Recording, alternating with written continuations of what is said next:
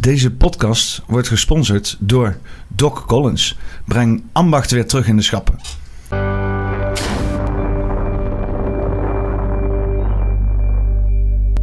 Het is pop poppenkast nummer 100. eh, God, waar zijn we nou? 23. Vorige had ik het verkeerd. Moest ik overal over. Niemand heeft het opgevallen, maar ik, moest het hercorrigeren. Maar eh, 123 volgens mij. Ja, ja, 123. Poppenkast 123. En ik zit hier met eh, Brenda van der Velde. Ja, ja, ja. Ja, ik zeg het vaak genoeg ook fout hoor. Dus eh, ja, welkom. Dankjewel.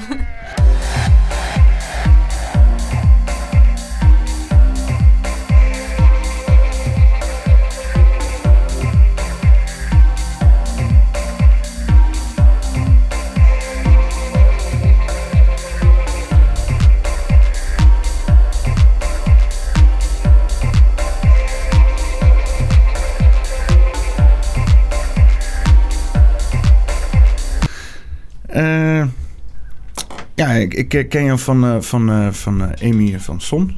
Ja, je hebt ook meegewerkt aan het project van Helemaal Vol Verhalen. Ja, klopt. Ja, ik ben wel benieuwd, hoe, hoe heb je dat tot nu toe ervaren en zo? eh, weet je daar, want jij bent altijd on the floor, zeg maar, iedereen aan het regelen en zo. Wat, wat, heb je eigenlijk gedaan? Wat ik eigenlijk heb gedaan. Ehm, nou, normaal gesproken ben ik alleen maar aanwezig bij de evenementen. Eh, ik ben dan eigenlijk, eh, noemt Amy het heel mooi, eh, de rechterhand van haar. Ehm, dus ik doe van alles en nog wat. Ik help inderdaad mensen voor jouw podcast te regelen. Ehm, en Ja, want je hebt er net behoorlijk wat mensen even bij, je bij de oren, bij de lurven gegrepen en gewoon voor de camera gesleept. Ja, moet toch ook? En nu zit je zelf een keer hier. ja, dat is even heel anders. Ja. Maar ook prima.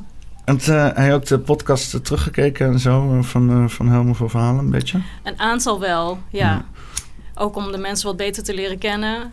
En ehm, ik vind het heel erg interessant, de verhalen, omdat ehm, ja, op missie gaan of überhaupt iets met het leger of met oorlog staat vrij ver van mijn wereld af. Ik zoek, ik ben een asbak vergeten, ben ik alsnog eens vergeten. Ik ga assen in deze Boeddha-beeldje. Is dat, heeft, heeft Boeddha iets te maken met Ayurveda? Eh, ja, het komt van de Veda's af inderdaad. eh, maar het komt ook wel, ehm, de Ayurveda komt echt uit het land, bijvoorbeeld India en eh, Sri Lanka. En daar is het overgrote gedeelte is wel boeddhistisch. Ja, dat klopt. Ja, ja want, want momenteel ben je er wat minder mee bezig, laten we het zo zeggen. Maar ik ben wel benieuwd, wat, wat is Ayurveda precies? Wat houdt dat in? Oké. Nou, net als eh, de Chinese geneeskunde ehm, heb je dus ook de Ayurveda, wat dus meer uit, eh, uit het gebied van India komt. Het is echt op de natuur eh, gericht. Ehm, dus het ziet de mens als onderdeel van de natuur. En het ziet de mens ook als een uniek ehm, ja, wezen. Dus waar je farmaceutische industrie vaak de mensen ja, als hetzelfde ziet, of hetzelfde behandeling of medicijnen geeft aan de mensen met een bepaalde klacht. Ehm, daarin onderscheidt de Ayurveda zich. Ehm, het is ook holistisch, dus het kijkt naar het lichaam als geheel. Wat betekent dat als je een bepaalde klacht hebt, die misschien zich in het hoofd eh, uit, eh, dat het probleem zich misschien wel gewoon in het lichaam eh, voordoet.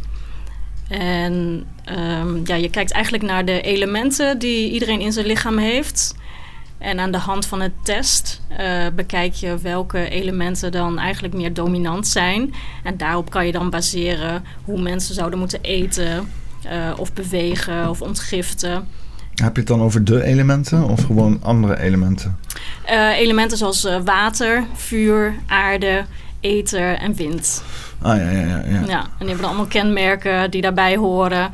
Eh, en dat heeft ook met eh, het eten te maken. En zo kan je eigenlijk als het ware een bepaalde puzzel maken... waarbij je mensen adviezen kunt geven. Het is echt een leefstijl, dus het is niet zomaar iets... Wat, dit is het, je advies en daar doe je je hele leven mee. Je zult echt eh, per seizoen moeten gaan kijken.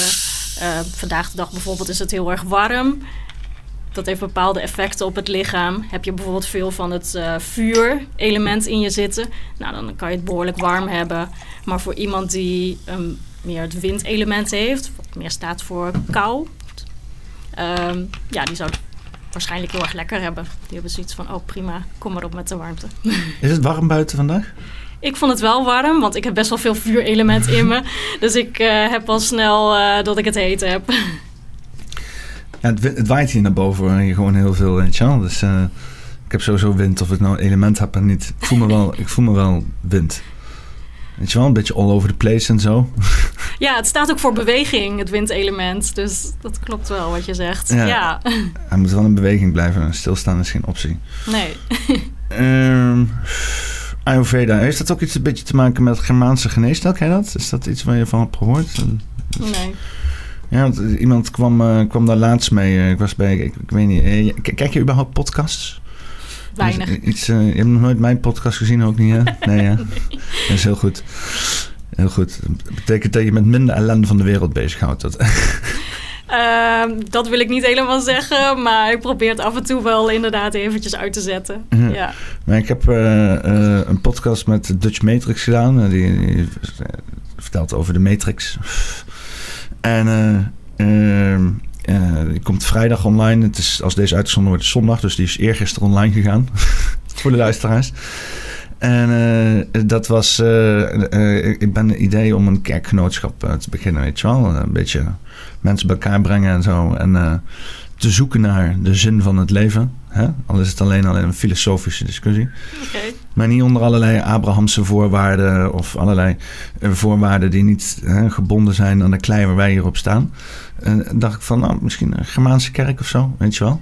Gewoon uh, een beetje terugkijken naar de Keltische en de, Friese en de dingenbeschavingen, de, de, de Germaanse beschavingen, al die volkeren. Dat is natuurlijk best lastig, want er staat heel weinig geschreven en zo. Maar iemand zei van, oh, heeft het dan met Germaanse geneeskunde te maken? Want doet een kerk ook genezen, zeg maar? Is dat uh, iets wat een kerk normaal doet? Ik kan niet echt spreken over wat uh, elke kerk doet. Um, ik ben zelf wel aangesloten bij een kerk.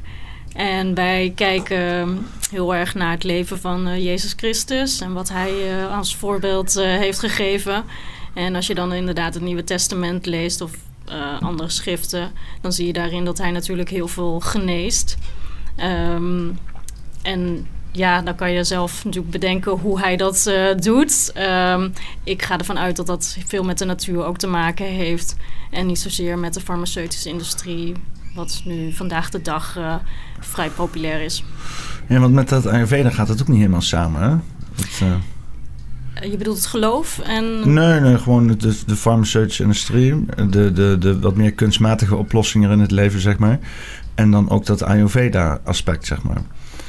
Je kan het wel, uh, bijvoorbeeld bepaalde aspecten zoals chirurgie... dat kan wel samen natuurlijk... En in principe kan je zeggen, ik kan de Ayurveda samen uh, adviseren met bepaalde farmaceutische middelen. Maar zelf persoonlijk uh, sta ik er meer achter om de natuur daarin te betrekken. Um, en voor bepaalde klachten vooral te kijken naar je leefstijl. Ja.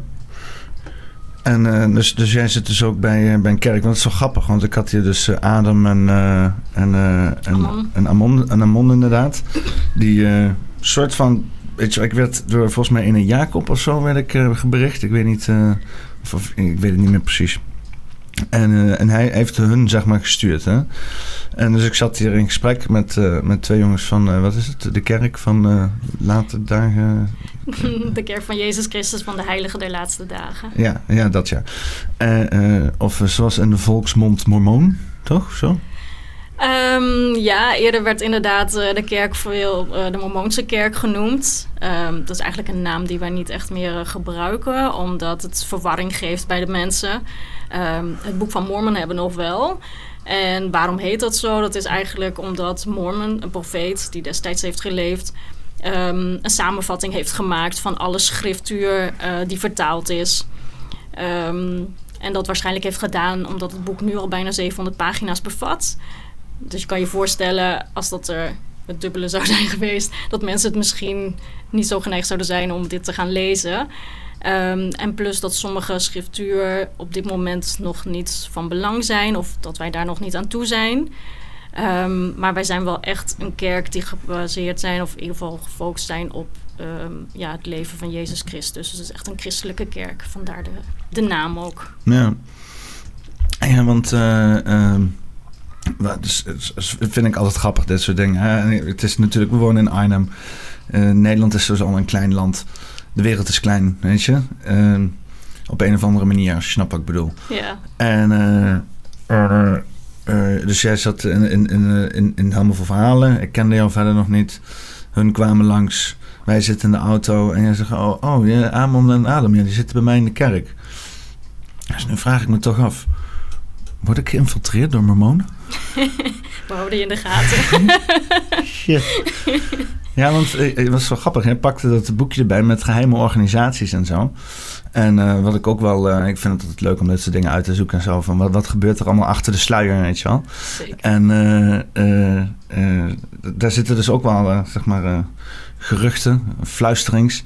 van dat eh, ja, de, de, de kerk, wat natuurlijk in, in Utah is opgesticht... Een, een eigen staat van Amerika. En die hele status is natuurlijk al wel bijzonder. Ik kan bijna zeggen dat Utah toch ook wel een ingang heeft... in bijvoorbeeld bepaalde deep state-achtige praktijken, weet je wel. Namens de, de, de Mormoonse kerk natuurlijk. En dat het ook een soort van geheime-achtige organisatie status heeft... eh, in een complotland. Nou, zelf zie ik het niet zo. Ehm, ja, ik denk dat bij elk geloof... ehm, kijk, het evangelie is perfect. Maar de mensen niet. Verre weg van. En Dat zegt, dat zegt iedereen over zijn eigen geloof natuurlijk. Hè? Ja, maar wij moeten natuurlijk leren. We zijn hier op aarde gekomen om te groeien en te ontwikkelen. Eh, maar we hebben daarin wel keuzevrijheid. Dus je kan dan inderdaad zeggen, nou, dat doe ik gewoon helemaal niet. Prima wat het geloof mij zegt of de geboden. Ik ga mij daar niet aan houden. Ik trek mijn eigen richtlijn en ik volg dat pad. Ehm, ja, dat kunnen ook leden van de kerk zijn. Wij zijn zeker niet perfect. Ehm, ik denk dat wij juist proberen als we naar de kerk gaan om ons te verbeteren. Daarvoor is het avondmaal ook, om je continu te bekeren. Omdat je gewoon weet dat je op het moment dat je de kerk verlaat, fouten maakt, dingen zegt die je niet moet zeggen, denkt die je niet moet denken, Het, av- het avondmaal als in dat schilderij of als wat jij elke avond doet, zeg maar? Het avondmaal is eigenlijk het nemen van het brood en het water. Oh, Net als hoe Christus dat eigenlijk deed met zijn apostelen. Ja. Ja. Ja, want ik, ik vroeg toen eh, eh, aan eh, Adam en Amon van wat is nou het verschil tussen, tussen de Bijbel en het christelijke, weet je wel? En bijvoorbeeld dan, eh, hoe heet die mensen die aan, aan de deur komen? Richard is hier ook, ehm, kom even niet op de naam. Jehovah's getuige. Ja, Jehovah's getuigen, die dan ook zeg maar zo'n nieuwe interpretatie op de Bijbel hebben, zeg maar. En dan bijvoorbeeld mormonen, die dan zeg maar nog een, echt een soort van side story hebben, weet je wel. Met een heel nieuwe vindst van bepaalde dingen. Maar dan ook wel weer allemaal te maken met de Bijbel op een of andere manier. Hoe, hoe, wat is het verschil met, met christendom? Want ik hoor bepaalde culturele, traditionele dingen... die ook gewoon in, eh, in, de, in, de, in de christelijke of de katholieke kerk worden gedaan. Protestants, Zeker. ik weet niet wat, wat iedereen altijd doet in elke kerk, maar... Nou, ik moet zeggen dat ik ook niet elk geloof eh, ken. Dit is zo op mijn pad gekomen op een gegeven moment. Ehm, maar er zijn zeker heel veel overeenkomsten, maar ook eh, verschillen. En ehm, een van het grootste verschil voor mij is in ieder geval eh, dat dit de herstelde kerk is. Ehm, door de profeet Jozef Smit. Omdat het op dat moment eigenlijk niet meer op aarde was. Die heeft zeg maar een soort van great reset uitgegaan. uitgegaan uitge, Ja, ik denk dat hij een gedaan. vraag, hij had een vraag die heel erg vandaag de dag ook speelt. Er zijn zoveel kerken, er zijn zoveel geloven. Ja, bij welke kerk moet ik mij nou aansluiten? Waar vind ik de waarheid? Wat is nou echt? En ik denk dat vandaag de dag best wel veel mensen met die vraag ook rondlopen. En ja, destijds vond hij in eh, de Bijbel, in Jacobus 5, een schrifttekst die aangaf: als je het je in wijsheid eh, ontschiet, vraag erom, bid erom. En dat is wat hij heeft gedaan. Uiteindelijk denk ik, toen hij dat ging doen, dat hij zich niet besefte van: oké, ik moet dadelijk gewoon eh, een kerk gaan oprichten. Ik denk dat hij heel, ja, gewoon dacht van: ik krijg dadelijk gewoon een antwoord en dan ga ik naar die kerk. die dacht het gewoon even te krijgen en zo. Ja. eh, en moest het zelf gaan maken. Ja, hij moest in één keer eh, aan het werk. Ja, en ja, het een en ander gaan vertalen. Ja, want het is een beetje gewoon bidden is, is een soort van manifesteren gewoon eh, eigenlijk, toch? Als ik het... eh, Zo kan je het wel zien. Wij geloven echt dat vandaag de dag Jezus Christus gewoon leeft. Hij is opgestaan. We hebben net Pasen gehad. Wanneer eh, is, is de, de, de, de Christ al returned? hij leeft gewoon, dus je kan gewoon met hem praten. Oh, hij is nooit dood gegaan. Hij is wel overleden aan het kruis. Maar daarna is hij opgestaan. En dat is eigenlijk ook het verschil met onze kerk. Uh, veel kerken zie je, een, als je naar binnen loopt, een kruis. En daar zie je Jezus Christus aan hangen. Wij zijn eigenlijk degene die naar meer de, de boodschap daarna kijken. Van hij is opgestaan. Um, dus de vruchtenvolle boodschap van hij leeft. En hij is er vandaag de dag om ons te helpen. Ja, maar loopt hier uh, in vlees en bloed rond? Of is hij gewoon aanwezig... Uh nee. geest en spirit. Ja, en daarvoor heb je dus inderdaad de Heilige Geest nodig. Heilige Geest heeft geen uh, lichaam of iets dergelijks. Uh, maar is eigenlijk het communicatiemiddel met je hemelse vader of met Jezus Christus. Is dat een beetje te vergelijken met ether? Uh, ik weet niet hoe je dat bedoelt. Nou ja, je hebt die, die elementen toch? Hè? Oh, zo. En ether is daarvan zeg maar de energie die in de lucht is, de, de, universele kracht zeg maar. Is dat een beetje te vergelijken met de Heilige Geest? Zou je best wel zo kunnen vergelijken. Als je um, bepaalde vragen hebt en je bidt daarom, dan krijg je ook een bepaald gevoel in je hartstreek, waardoor je weet van hé, hey, dit is goed. Of het is niet, want dan verdooft het eigenlijk. Maar je kan, sommige mensen horen ook een stem of iets dergelijks. Maar het is nooit een harde stem, zo hoe wij met elkaar praten. Het is echt van binnen in je gedachten uh, dat je het krijgt. Ja, ja. En uh, dus, dus je hebt dat, zeg maar, dat manifesteren soort van. Hè? En ik, ik, ik zie dat dan altijd voor me dat je zeg maar je eigen jezelf programmeert om de dingen te kunnen zien die jij wil, zeg maar. Hè? Dus, dus uh, ja, je maakt dingen mee in het leven. Uh, je vindt er wat van. En je denkt van nou, ik wou dat het anders was. Of dat nou iets wat je nodig hebt. Of iets, iets wat je graag ambieert of zo. Hmm. En uh, vaak word je dan zeg maar overspoeld door negatieve shit en zo. Hè? Dan wel niet van andere mensen. Dan wel niet door jezelf. Ligt een beetje aan hoe je, wat je relatie is met jezelf. En dan heb je zoiets van... Uh, laat ik me niet doen dan. Of zo, weet je wel. Of ja, het gaat me toch niet lukken. Of waarom zou ik dit verdienen? Of weet ik veel. Een hele bak aan negatieve gedachten die je kan krijgen. En daar heb ik zelf altijd wel moeite mee, zeg maar. Weet je wat? Ik denk van ja, hè, zijn best wel dominant, al die negatieve gedachten. Dus ik heb dan dat, dat manifesteren, dat bidden, of dat, uh, voor mij is het uh, ja, gewoon een soort van een dans met het universum. Uh, voor elkaar te krijgen dat ik dus dat kan overstijgen. Dat ik dus inderdaad vooral focus leg op datgene wat ik wil. Daarvoor ik, moet ik heel duidelijk weten wat de fuck ik wil. En dat inderdaad het universum insturen. Uh, zo van, uh, van alle mogelijke dingen die er gaan gebeuren. Hè, in, in, het hele multiversum en zo. Wil ik op de tijdlijn zitten dat het gaat gebeuren wat ik graag zie. Weet je wel? En als je dan dingen ziet in je omgeving, naar de wereld in, dan zend je de wereld in. Doe je jezelf zo programmeren van dit is, dit is wat ik wil. Het liefst al voor je zien, weet je wel, dat het al gebeurd is. En dan ga je dingen zien in je omgeving die, die in één keer ja, daarop aansluiten. Weet je wel? Of die dingen er altijd al waren, of dat je ze nooit zag, of dat weet, maakt ook verder niet uit. Maar op een gegeven moment in één keer poppen er dingen op in het leven. Zo van: hé, hey, maar dat is wat ik wil. Want je hebt voor jezelf heel goed geprogrammeerd wat je wil. Je hebt het gezien. En je ziet op een gegeven moment dat, dat, dat, dat, dat nou, ik weet niet, je gebruikte net ook puzzelstukje. Weet je wel, zie je daar zo. En dat past in één keer ergens in. Weet je wel? In één keer zie je het. In één keer, puzzelstukje ligt de hele godvertijd. Ligt, ligt het er al, weet je wel. De hele tijd die bult zo. En je zit te kijken naar die puzzel. En je kijkt in één keer en denk hé, hey, weet je wel. Er zijn wat nieuwe puzzelstukjes gelegd. En je denkt, wacht even, die hoort daar. Maar voor dat te weten, moet je dus, hè, net zoals op de doos, gewoon weten wat het hele plaatje is. Dat je niet weet wat het hele plaatje is, dan ga je nooit zo'n puzzelstukje vinden. Dus ik gebruik dat voor mezelf, zeg maar, om te herprogrammeren. Is dat een beetje hoe ik ook bidden moet gaan zien in een hele praktische manier? Uh, ik zie bidden iets anders. Um, want je kan ook bidden namelijk voor andere mensen. Um, nou, wat je wil. En je, kan, ja. Wat, wat jij wil veranderen Dit is heel erg op jezelf natuurlijk gericht dan. Ja, ik heb ambities en zo. ja, nou dat is heel goed. het leven is ook bedoeld om te groeien en te ontwikkelen. Uh, ja, hoe ik het eigenlijk aanpak is... stel dat ik inderdaad bezig ben uh, met... ja, ik, ik, wil iets bereiken... Um, dat ik inderdaad gewoon vraag, gewoon letterlijk vraag... alsof Jezus Christus zo tegenover me zit... Uh, van ja, hoe kom ik daar? Wat moet ik daarvoor doen? Um, wat heb ik daarvoor nodig? Wat moet ik daar wellicht voor afleren? Um, ja, wilt u de juiste mensen wellicht op mijn pad daarvoor brengen? En wat je dan zegt op dat moment als je dat met een oprecht hart hebt gedaan en je hebt niet de meest rare dingen gevraagd. En hij heeft ook het gevoel dat daar de tijd voor is. Want soms vraag je dingen waar je gewoon nog niet klaar voor bent.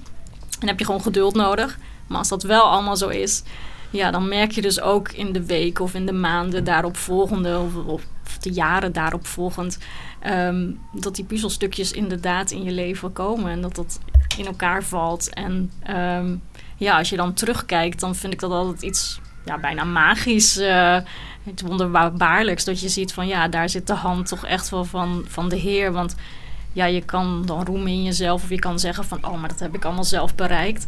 Maar ergens weet je ook, ja, zonder zijn hulp was het wellicht anders geweest. Maar dus jij bent dan tot de Heer uh, met behulp van de Heilige Geest. En uh, Jezus is er ook ergens als het goed is. Hè? Uh, zeggen. Maar dus, hij de ontvanger. Ja, ja, ja, ja dus, dus het hele clubje is aanwezig. En dan hoor je dus eigenlijk een soort van stemmetje in jezelf, toch? Kan. wat ik vaak doe is de schriften opentrekken en daar vind ik vaak mijn antwoorden. maar dat is maar net. Wat je zelf schrijft? Of? Oh nee, dat zijn gewoon de boeken. Dus oh, het boek van Mormon of um, de leerverbonden, Pavel Grote Waarden. Maar het kan ook inderdaad uh, de Bijbel zijn. Uh, als ik die opentrek op dat moment. Ja. Ik lees daarin. Er zijn, er zijn verschillende manieren hoe je dat kan doen. Uh. Zeker. Dan kan je tarotkaarten gebruiken?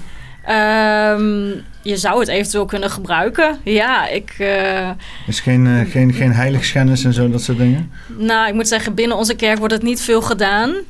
Uh, maar ik denk als je dat met een oprecht hart doet dat het niet verkeerd is om te doen. Als dat jouw manier is om antwoorden normaal gesproken te krijgen, dan zul je ze ook op die manier krijgen. Maar dus, uh, want ik, ik, ik, ik, noem, eh, ik, ik vind het comfortabel om het het universum te noemen. Hè? Dus lekker neutraal. Ja, dat is prima. Le lekker neutraal, weinig geladen shit en zo, weet je wel.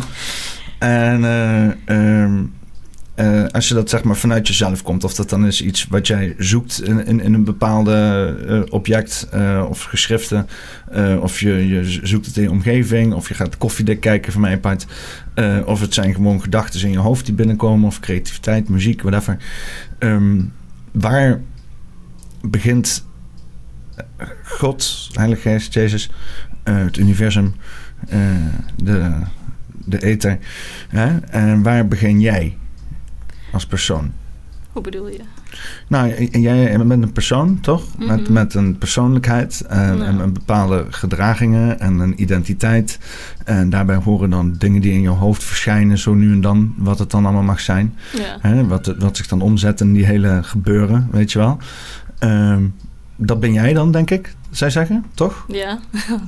ja, en, en dan heb je zeg maar het werk van God hè, wat dan door je heen stroomt of zo of iets dergelijks. Waar begint God en waar ben jij? Eigenlijk waar je op dat moment staat in je leven. Ehm, dus destijds toen ik uh, de kerk leerde kennen, een aantal jaren terug, um, stond ik heel ver van het geloof af. Voor mij uh, ja, was het vrij onbekend. Ik uh, wist eigenlijk helemaal niks van Jezus Christus of van God af. Um, ik moest mijn eerste Bijbel ook gewoon kopen, mijn volwassen Bijbel, en daarin gaan lezen. En toen ik daar de eerste. Volwassen Bijbel, zei dat nou? Ja, je hebt ook nog een kinderbijbel. en die heb ik wel, want ik ben ooit wel als baby gedoopt voor de Rooms-Katholieke Kerk. Maar ja, ook weinig mee gedaan. Dus ik, het werd wel tijd voor een gewone volwassen Bijbel. Um, maar ja, ik heb wel geleerd dat je echt. Um, ja, de teksten moet bestuderen. Wil je ze echt kunnen begrijpen. En uh, ook de brug kunnen maken naar uh, jouw leven en naar vandaag de dag. Geldt dat voor iedereen? Of? Uh, die om te bestuderen bedoel je? Ja. Ja, ik kan het wel iedereen aanraden, laat ik het zo zeggen. Uh, ik, ja, iedereen is natuurlijk vrij om de keuze te maken wat hij wilt. En ook als hij daar niet in wil lezen, is het ook prima. Um, maar... Ik hou niet van lezen. Kijk liever filmpjes op YouTube en zo. Nou, die zijn er ook wel. Ah. dus dat komt helemaal goed. Leuke voor animaties en zo. Dus, uh, ja. Een beetje, beetje, beetje zo met, met flinke animaties en zo. 3D en zo. En grote greenscreens en vliegende meteoren en dat soort dingen. Ik wil gewoon een film hebben. ja, ja, ja. Met in één keer zo'n kraterinslag. En dan Jozef die daar komt zo, weet je wel. Bij een of andere gigantische krater wat rookt zo. En dan van die tabletten vindt en shit. Oh nee, ze lag begraven ergens, hè? Veel te dramatisch dan, ja. Ik kan je wel wat linkjes toesturen van filmpjes. Als we een film geregisseerd hebben, Michael Bay-stijl over Jozef. Weet je, Jozef? Uh, Jozef Smit. Jo, jo, Jozef? Jozef, Jozef Smit. Jozef Smit. Die, de, de slechte advies, doe maar niet trouwens. Nee, maar uh, ja, want, want het, het, is natuurlijk wel, het vergt wel een bepaalde rust in de kop, zeg maar, om uh, zo met scriptures bezig te zijn, zeg maar, met, met geschriften.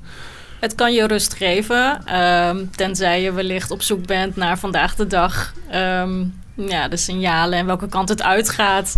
Ja, dan kan het ook wel wat anders met je gemoedstoestand doen. Geen, uh, geen rockbands van de Mormoonse kerk en zo? Nee. nee is, is de, heb je toch van die Christian rock en zo? Dat, eh, ken je dat? Klopt, uh, ja. Over de duivel en, uh, en Jezus zingen en zo. Zeker. Vaak in heel veel moderne kerken zie je ook tegenwoordig gewoon een hele band die optreedt. Een hele ja. band gewoon? Ja. Rockband ook? Of? Mm, nee, dat is wel minder. Ah, hier, kijk, daar, gaat hij al. Veel, veel even één helft veel weg. Kom dat ik hem zachtjes heb staan. Ik, ik, denk, ik dacht van, uh, ik vraag me altijd af of dit terug te horen is in de opnames, maar enfin. Ja, dat weet ik niet. We zien wel. Het is wel raar. Dat ja. je dan in één keer zo pop op. Ja, het is heel vervelend is dat zo. Even kijken, ja, zo, dan, dan misschien werkt hij weer zo. Ja, ehm ja, dus uh, wat ik wel mooi vond is... Uh, je, hebt, je, hebt, uh, je hebt natuurlijk toch wel in, in, binnen de kerk en zo een beetje... Ja, wat moet ik zeggen? Een beetje rumeur lopen maken tijdens de pandemie en zo. Een beetje mensen proberen wakker te schudden en zo. En denken van, hier, kijk naar deze kale man met zijn, met zijn plannen om de wereld te veroveren. Toch? Heb ik het... Ja, um, ja, als je de schriften leest, dan lees je ook dat ehm, je soms moet waarschuwen. En als je begrijpt dat we allemaal kinderen van God zijn, dan um, zijn we eigenlijk familie van elkaar. En ik denk dan, als het niet goed gaat met mijn familie, um, dan wil je die ook uh, beschermen. En die wil je ook gewoon helpen. En dat is eigenlijk wat ik probeerde te doen met mijn toespraak. Maar dat uh, liep niet helemaal goed. Um, maar ja, het is aan ieder om natuurlijk de wereld te begrijpen hoe hij of zij dat wilt en op het tempo dat, ja, dat diegene kan. Um, ik besef me ook heel goed daar waar soms mijn ogen zijn geopend voor bepaalde situaties, dat ze ook gesloten zijn als het aankomt op andere onderwerpen. Um, dus ik denk dat het voor in ieder gewoon belangrijk is om altijd waar je kunt zo nederig mogelijk je op te stellen. Ja, ga vooral verder. Um, zodat je nog steeds wel open blijft staan voor andermans visie. Um, en ook al vind je het uiteindelijk niks, of um, geloof je niet dat de wereld op die manier eraan toe gaat, mm. ja, dan heb je het tenminste wel gehoord. Ja. Maar ja. Het was een soort van uh, plichtsgevoel, zeg maar. Dus je zegt van ik moet hier wat over zeggen. Ja, zeker. Ja. ja. Want, want, want wat zag jij, zeg maar? Um, nou ja, als ik uh, de schrift heel erg goed lees. We hadden net een klein boekje wat ik erbij pakte, inderdaad, met de geheime organisaties uh, die er op aarde zijn. Ja, in het boek van Mormon wordt dat ook inderdaad uh, benoemd. Um, wat voor geheime organisaties worden in het boek van Mormon allemaal aangehaald? Ja, ze noemen het eigenlijk de rovers van uh, Gadianton. Oké. Okay. Um, maar eigenlijk staat dat in de wereld voor alles wat um, eigenlijk mm, hoe zou ik dat zeggen, niet echt aan het oppervlak komt. Um, dus er zijn gewoon duistere groepen, partijen, organisaties die, ja, in, die vooral stiekem te werk gaat, laat ik het zo maar zeggen. in de schaduwen. Ja, heel erg. Um, en die uiteindelijk ook de plekken in de regering en op bepaalde uh, belangrijke posities uh, krijgen. Waardoor ja, de armen en de ja, zuivere mensen, laat ik het zo maar zeggen, worden verdrukt. Uh, en het moeilijk krijgen. En dat zijn wel dingen die ik vandaag de dag zie. Um, en als je dan verder leest, ja, dan zie je ook um, dat er bepaalde oorlogen aankomen. Pestilentie, um, hongersnood.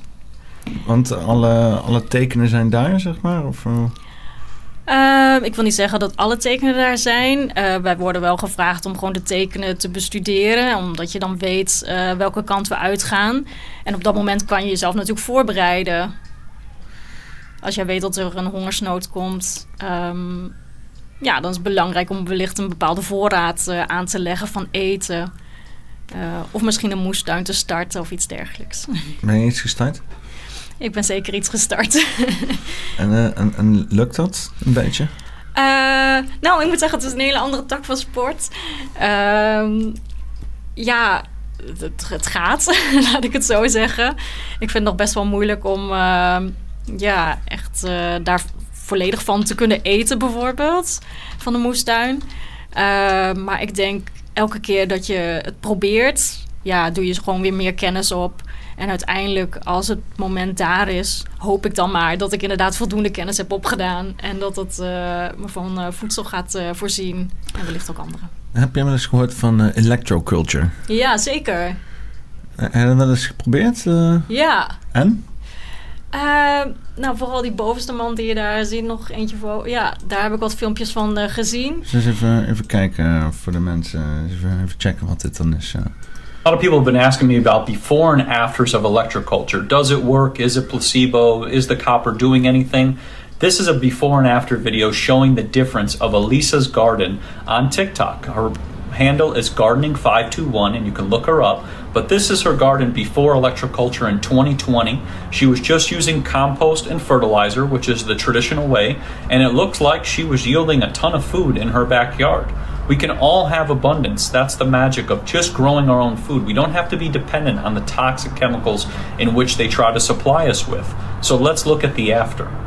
So this is the after of electroculture, implementing copper and wood antennas in the We zien meer groen. We zien we zien meer groen, toch? Dat is toch wat we zien? Zeker. Oké. garden to amplify the Earth's energy, the magnetism, and the life force of the sap, the plant's blood. What's happening is, is she's increasing the magnetism and the Earth's energy in that area, creating a vortex so that the plants can grow larger, get bigger, and also receive more nutrients, right? When the plant is at its most optimal level, it will grow and just keep growing. We could probably grow plants almost 50 feet high, but the pesticide companies load their pesticides with tons of iron, which diminishes the life force of our planet and our foods so that we are dependent on the grocery store. If you want to learn more about electroculture, you can check out our blogs, Electroculture for Beginners, at cultivateelevate.com, but also check out Elisa's TikTok. Ja, in ieder geval vette shit. Want eh, heb je daar wel eens mee eh, geëxperimenteerd? Met Ja, zeker. Ik heb ook een aantal eh, van dat soort eh ja, eh koperstaven zeg maar, staan. Ehm, ja, of het nou werkt of niet. Ik durf het nog niet helemaal te zeggen. Ik heb Want nog niet het het- effect eh, een wat beetje hij heeft. eh, in, in een vorm eh, doen, zeg maar? Ja, ik heb het om een, ehm, ja, een tak zeg maar gewikkeld. En daarbovenin heb ik inderdaad een, eh, ja, ja, hoe zou ik het zeggen? Een, ja, gewoon eromheen zeg maar gedraaid. Ehm, en dat stuk heb ik helemaal in de grond gedaan, zodat het echt ehm, ja, ook daar eh, een soort van eh, connectie mee maakt. Ja. Ehm, Ja, want weet, Ja. Je, weet je wat je aan het doen bent? als het goed is, eh, trek ik de ether uit eh, de lucht en help ik volgens mij eh, de grond daarmee. Ja, want als ik het goed begrijp, heeft natuurlijk alle levensvormen, ook planten hebben zo'n zo'n energieveld eromheen. Hè? Wij ook. Wij, wij- Ja. Er zijn ook energie die door ons heen stroomt. Zo. En dat is allemaal, net zoals ook de planeet, is allemaal in de vorm van een, van een torensveld. Weet je wat een torensveld is? ja, Zo'n eh, zo'n donut, weet je wel? klopt. Eh, eens kijken. Eh, eh, ik weet niet of ik daar... eh nee, dan ga ik een filmpje zo even 1, 2, 3 befilmen. Maar in ieder geval, even om, om voor de kijkers... Een, ja, de meesten kennen inmiddels wel eh, de vorm, zeg maar. Het is... het is... ik schrijf, ik weet niet wat de fuck ik Oh. allemaal vel. Torveld. Torusveld. Nou ja, waarom krijg ik gewoon niet... moet ik er met een H ertussen? Nou, krijg toch wel eens... Moet ik het in het Engels schrijven dan? Dan krijg ik een gozer. Fucking Google, jongen. Dat is echt... Wat heb ik nou? Ze Trustfield. willen niet dat je het vindt. Ah, Ah, daar is die. Christus, man. Echt waar. Ehm, nou, eh, hier zie je een beetje zo'n... Een moeilijk klein plaatje, maar maakt niet uit. Zie je een, een, een poppetje en dan zo'n torensveld die om ons heen gaat, door ons heen. Daarmee hebben we dan connectie met alle energievelden van de aarde en van de planten en zo. Maar nu kennen ze ook, want uh, uh, Stef en, en, en, Maarten en, en, zo, die zijn ook bezig met, met al die met, met piramides vooral. Hè? Piramides mm -hmm. zit eigenlijk ook in het torensveld, waarbij dan die punt van de piramide zeg maar het midden is van het torensveld. En dan, dan trekt hij zeg maar energie uit de aarde in een soort van veld eromheen, zoals ik het begrijp. Maar je hebt ook bijvoorbeeld um, ja, dat torensveld, dat, dat draait zeg maar zo linksom. Ik weet niet of ik, ik moet, ik moet er even een filmpje van hebben zo. Google, YouTube. Het is altijd het leukste gedeelte voor de luisteraars. Mijn, mijn dingen zien opzoeken op, op horen, horen opzoeken op het internet. En je hoort ook het toetsenbord klingen dus even kijken. Thor's Field Animation. Ben, ben, ik nou, ben ik nou zo slecht in typen? Of dat ook? Uh, ja, dat is echt. Het is echt vreselijk dat je gewoon niet. Dat dat niet. Dat, we kregen allemaal meuk te zien, jongen. Het is ongelooflijk. Taurus Fields. Maar echt op de letter nauwkeurig. Ja, jezus. Kijk, het is nog makkelijker om tegenwoordig de dingen te vinden op BitChute, joh. Dat is echt ongelooflijk. Kijk, zo ja. Ja, dus het, het, draait zeg maar als een soort van spiraal ook eromheen. En zoals ik het begrijp met die elektrocultuur, dan, dan doe je zeg maar die, die, die spiralen, doe je een beetje soort eh, in de vorm van het torensveld eromheen. ja. hè? En dan van boven naar beneden als een, als een koon, zeg maar, als een uh, ja, piramide, alleen dan rond. Ja. Om zeg maar dat, dat, dat magnetische veld te, te versterken. Te, ja, ja. inderdaad. Maar heb je dan wel eens... Uh, want je kan volgens mij ook maar piramides... Uh, dat je gewoon een soort van piramidetje maakt... en gewoon erop zet op zaadjes en zo. Of op... Uh... Ja, klopt inderdaad. Ik heb ook zelfs filmpjes gezien... dat ze het er helemaal omheen hebben gedraaid... en in een, de rand van een potje hebben gezet. Um, maar ik heb ook een tijd geleden een kleine bijeenkomst gehad van iemand die daar inderdaad wat meer uh, zichzelf had in verdiept. En die had inderdaad een aantal piramidevormen die hij had gemaakt. En die gaf ook helemaal aan hoe dat bepaalde richting het noorden of het zuiden dergelijke moest gaan staan. Um, ja, zover ben ik uh, niet gekomen. Um, maar ik vond het wel heel erg interessant. Ja. Ja, en ook omdat uh, koper als we dan weer teruggaan naar de Ayurveda, werd dat eigenlijk ook heel veel gebruikt, omdat het ook heel erg antibacterieel is. Um, dus dan zie je bijvoorbeeld dat bepaalde drinkbekers uh, van koper vaak waren of tongschrapers, uh, omdat je de bacteriën weg wilt halen. En ik heb ooit begrepen dat zelfs uh, de boeren hun materiaal hadden wat ook van koper uh, was mm. destijds. En dat dat nu allemaal vervangen is en dat dat gewoon allemaal metaal is geworden. Ja, koper is duur. ja. ja. Maar ja, als het zorgt voor, uh, voor voldoende eten en dat uh, wordt nu belemmerd. Maar, hoe kom je aan je koper? een koperdraad of zo? Ja, dat kun je gewoon bestellen. ja. Ja, want uh, uh, maar, maar je hebt er zelf nog niet echt heel erg mee geëxperimenteerd, hoor ik. Nee, ik heb een aantal van dat soort takjes in de tuin staan. En daar staan, ja, die zijn met koperdraad voorzien. Of daarvan je, voorzien. je hebt gewoon alleen zo'n koperdraad omheen gedaan? Zo. Ja, in mijn moestuinbak. En ja, bij een aantal struiken heb ik het neergezet. Moet je eens een piramide maken van koperdraad? Ja, misschien moet ik het een keertje proberen. Gewoon, uh, ja, ho hooguit met hout of zo. Volgens mij zijn dat met houten stokjes en dan daar langs het koperdraad. Uh, ja, zoiets. Ja. Um, ja, want je had dus ook een leuke initiatief voor de buurt. Uh, vertel daar eens wat over dan. Uh, ja, ik had inderdaad op een gegeven moment, uh, dat is een jaar geleden, een uh, mail gestuurd naar een project wat eigenlijk al bezig was in de buurt. En dat is vooral de vergroening van een deel van Arnhem, in de wijk waar ik woon. En ik heb toen aangegeven van, goh, is het ook mogelijk om daar eetbare planten en struiken en bomen en dergelijke te planten in plaats van alle bloemetjes. Want we hebben zo dadelijk gewoon voedsel nodig. En ik ben op gesprek gegaan en eigenlijk uh, ja, vond iedereen dat helemaal uh, fijn en leuk.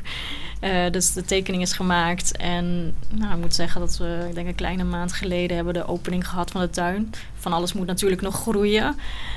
maar we hebben daar in plaats van dat het een grasveld was, nu een stuk of zestig fruitstruiken staan Van Josta bessen tot aan bosbessen en frambozen. Josta bessen? Ja, dat is een combinatie van de diverse fruiten, ja, soorten. Een soort van bosvruchten, ja. bosvruchtenstruik of zo. Ik ben ook heel benieuwd of het allemaal gaat werken, want het is allemaal op kleigrond. Dus we hebben ons best gedaan met de kennis die we hebben. Ehm, maar tot nu toe is het best wel een mooie groene oase geworden. En we hebben eh, de mogelijkheid gehad om eh, vijf eh, appelbomen te planten. We hebben iets van twaalf moestuinbakken staan. Ehm, ja, het is nu best wel nog ja, een beetje experimenteren met wat werkt. Ehm, ook natuurlijk omdat het grasveld vol in de zon ligt. Dus we zullen gewoon moeten kijken ja, in hoeverre planten willen groeien. En het is veel water geven het eerste jaar natuurlijk. En daarnaast hebben we een grote cirkel gemaakt met kruiden en ja, ik noem het wat meer de farmaceutische uh, planten. Dus waar we uiteindelijk hopelijk tincturen, crèmetjes of salfjes van kunnen maken. En maar mensen ook kunnen inspireren om te laten zien van... hé, hey, we hebben deze planten... Um, veel planten kun je namelijk ook gewoon in parken vinden of, of plekken. Uh, ja, mensen noemen dat dan onkruid en zo, hè? ja, klopt. Maar, uh, Hoe zou dat er komen? omdat de kennis gewoon weg is. Ja. Of een Rockefeller Instituut. En dat zal ook kunnen. een klein beetje invloed uh, van de verkeerde kant. Een beetje, lobbyen hier en daar. Laten we ja. het onkruid noemen, jongens. Kom, kom, dan kunnen we wel ja. doen. Ja. ja, en zo gaat het dan inderdaad. En die kennis proberen we eigenlijk een beetje terug te brengen. Um, door inderdaad soms ook gewoon een brandnetel te laten staan. En gewoon brandnetelsoep te maken. Of uitleg te geven um, dat je met bepaalde planten waar je normaal gesproken misschien de paardenbloem zegt van die wil ik niet in mijn grasveld hebben. Dat je hun leert van ja, maar daar is de reden toe waarom die daar is. Um, plus in bepaalde seizoenen, en dan komen we ook weer terug op de Ayurveda, heb je gewoon bepaalde planten nodig voor je lichaam.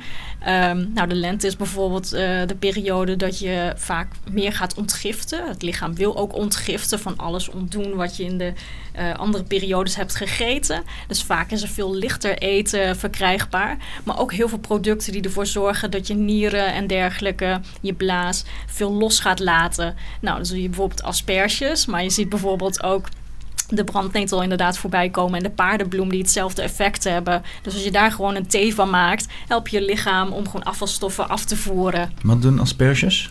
Asperges zorgen, zijn ook uh, urineverdrijvend. Het zorgt oh, ook daarom voor... lijken ze op een penis. Ah, kijk aan. Ik wil wel gaan vragen waarom, maar ik, ik zie het nou. It's all coming together now. Ja. Oké, okay, okay, ga verder. Urine, asperges, ja.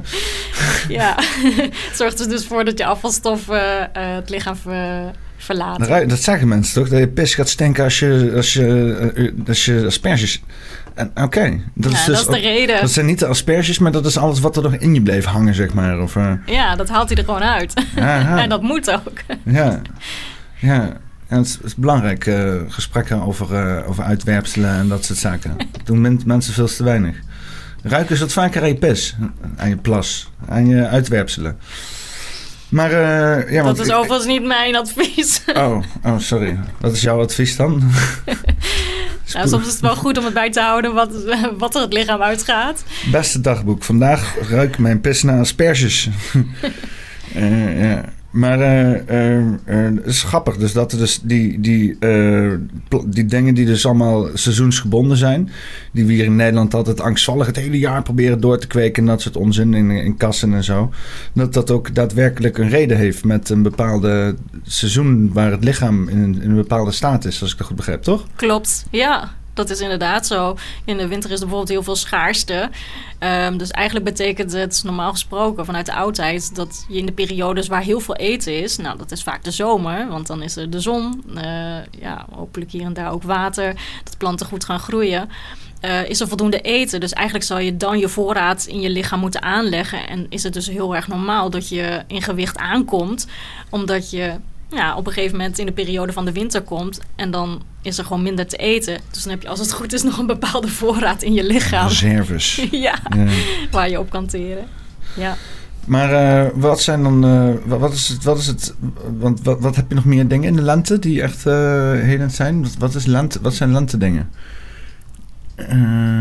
ik ben slecht, kijk, ik ben een hele seizoens, seizoensgebonden productenkennis heb ik niet, want alles ligt maar altijd in de supermarkt, hè? ja. Klopt inderdaad. Smaakloze tomaten en zo. Ja, je hebt aardbeien. Aardbeien, toch?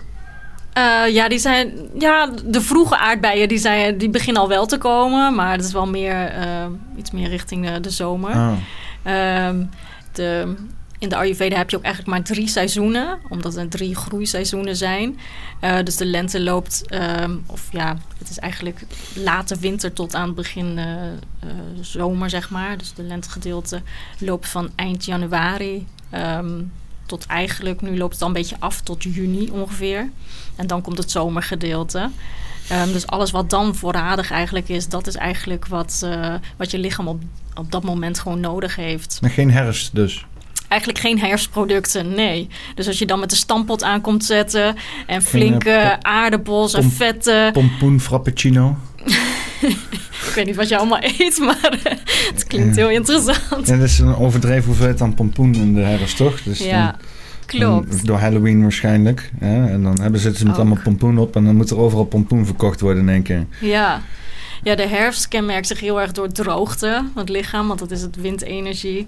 Ehm, dus je lichaam kan dan ook veel droger zijn. Dus dat is juist het moment om dan weer meer vetten te eten. Hm. Maar eh, eh, eh, want in de winter is er schaarste, dus er zijn geen winterproducten of Ja, zeker wel. Jawel, er zijn wel winterproducten. boerenkool Maar normaal- winterproduct. Ja, zeker. Ja. Hoort mag je ook ook in Ayurveda terecht? Ja, je kan, eh, dat denken heel vaak eh, heel veel mensen, dat je dan eh, aan de curry's moet of Indiaans eten. Maar dat is helemaal niet zo. Je kan ook gewoon met Hollandse producten de Ayurvedische adviezen volgen. Dus gewoon je broccoli en je bloemkool eten. Eet je broccoli. Iemand die mij volgt, die noemt broccoli slavenvoedsel. Is dat zo? Ja. Het is heel gezond. Ja? Ja. ja want, wat vind je van vlees eten en zo dan? Prima. Ehm, ja, ik ben zelf een vleeseter. Ik heb het ook eh, voor mijn gevoel soms gewoon echt nodig. Ehm, maar iedereen moet dat voor zichzelf natuurlijk weten. Maar ik denk de hype die er op dit moment is... dat het bijna je wordt opgelegd om maar insecten te gaan eten... of eh, veganistisch voedsel. Ehm, En gekke kaasmaaltijdjes en zo. Er weer. Mijn koptelefoon. Ja, ja, daar is ze weer. Ik moet één keer in de zoveel tijd even in de microfoon schreeuwen en dan, eh, dan, eh, dan werkt het allemaal weer. Ik moet echt een nieuw mengpaneel hebben. Maar eh, eh, ja, eh, eh, vleesvervangers. daar ben ik niet van. Nee? Nee, ik wil gewoon, of, of gewoon normaal vlees. maar eh, dat zeggende... Komt dat omdat je een hekel hebt aan dieren? nee, zeker niet. Ik Eet ben echt niet een gewoon eh, vlees uit rancune gewoon? Wraak op de dieren. Nee, maar dat zeggende over de veganist... ehm, ergens denk ik dat ik dadelijk daar wel die richting uit moet gaan. Als ik zie wat er met de vleesindustrie gebeurt...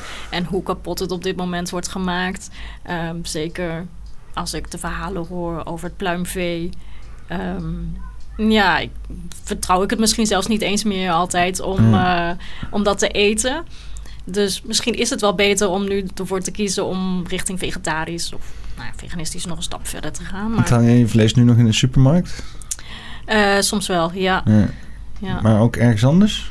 ja ik heb nog eh, inderdaad, een, eh, ja, dat is meer een, een, ehm, hoe zeg je dat? Ja, dat is ook eigenlijk wel een supermarkt, maar dat is meer een Turkse supermarkt. Een Ja. toko. Ja, Je hebt, soort van. je hebt hier ook wat eh, boerderijwinkeltjes en zo, hè? Klopt. Je zit vlakbij inderdaad op de dijk eh, een hele mooie boerderijwinkel. Ben ik ook wel eens geweest. Eh, Verkoop er ook vlees? hmm, wel bij- ehm Bij de Westervoortse dijk heb je er ook een, hè? gedroogde worsten. Ja, klopt. Die bedoel ik ook. Oh, die, die ja, ja, dat de Zuidverhoeven waarschijnlijk Ja, ja, ja, niet. inderdaad. Ja. Ja, want je hebt er ook in, eh, eh, bij, eh, bij Elderveld. Uh, Elderveld heb je er ook eentje schijnbaar. Oké, die ken ik verder niet. Ja, iemand die stuurde mij een kaart met allemaal verschillende... Is dat in de buurt van Driel daar? Of is dat weer verder? eh, even kijken. Boerderijwinkel. Arnhem-Zuid. De Zuivelhoeve heeft inderdaad wel wat vlees. Ja, hier, stadsboerderij Korenmaat. Zit, eh zit eh, ja, hier zo, eh, wat is dat? Dat is Marius van Beeklaan, zeg je dat wat?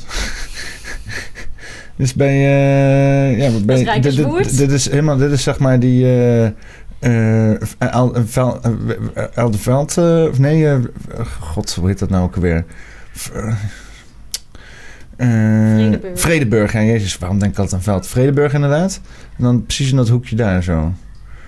Zo'n, Ja, net. net Hm, kijk, een kalkoen. Kijk, een varkentje. Ach, gos. Is nog wel opgesloten. Godverdomme. Ja. Maar eh, ja, jij, jij, jij stoort je ook aan de vleesindustrie, dus... eh, Zeker. Ja, tegenwoordig, ja, waar niet, eh, gaat het alleen maar om geld verdienen, lijkt het wel. mm, En als het om dieren gaat, eh, ja, vind ik dat best kwalijk. Zij hebben ook gewoon een ziel en eh, daar hoor je op een nette manier mee om te gaan. stem je op de Partij van de Dieren? nee, Nee, niet eens. nee, Oh, nee. Maar ik ben wel begaan met dieren en ehm, ik vind niet dat ze onnodig moeten lijden omdat wij een stukje vlees moeten eten. ja. Dan betaal ik liever iets meer. Dat ik weet dat het eh, diertje, hoe kort dan ook, maar wel een fijn leven heeft gehad. Ja.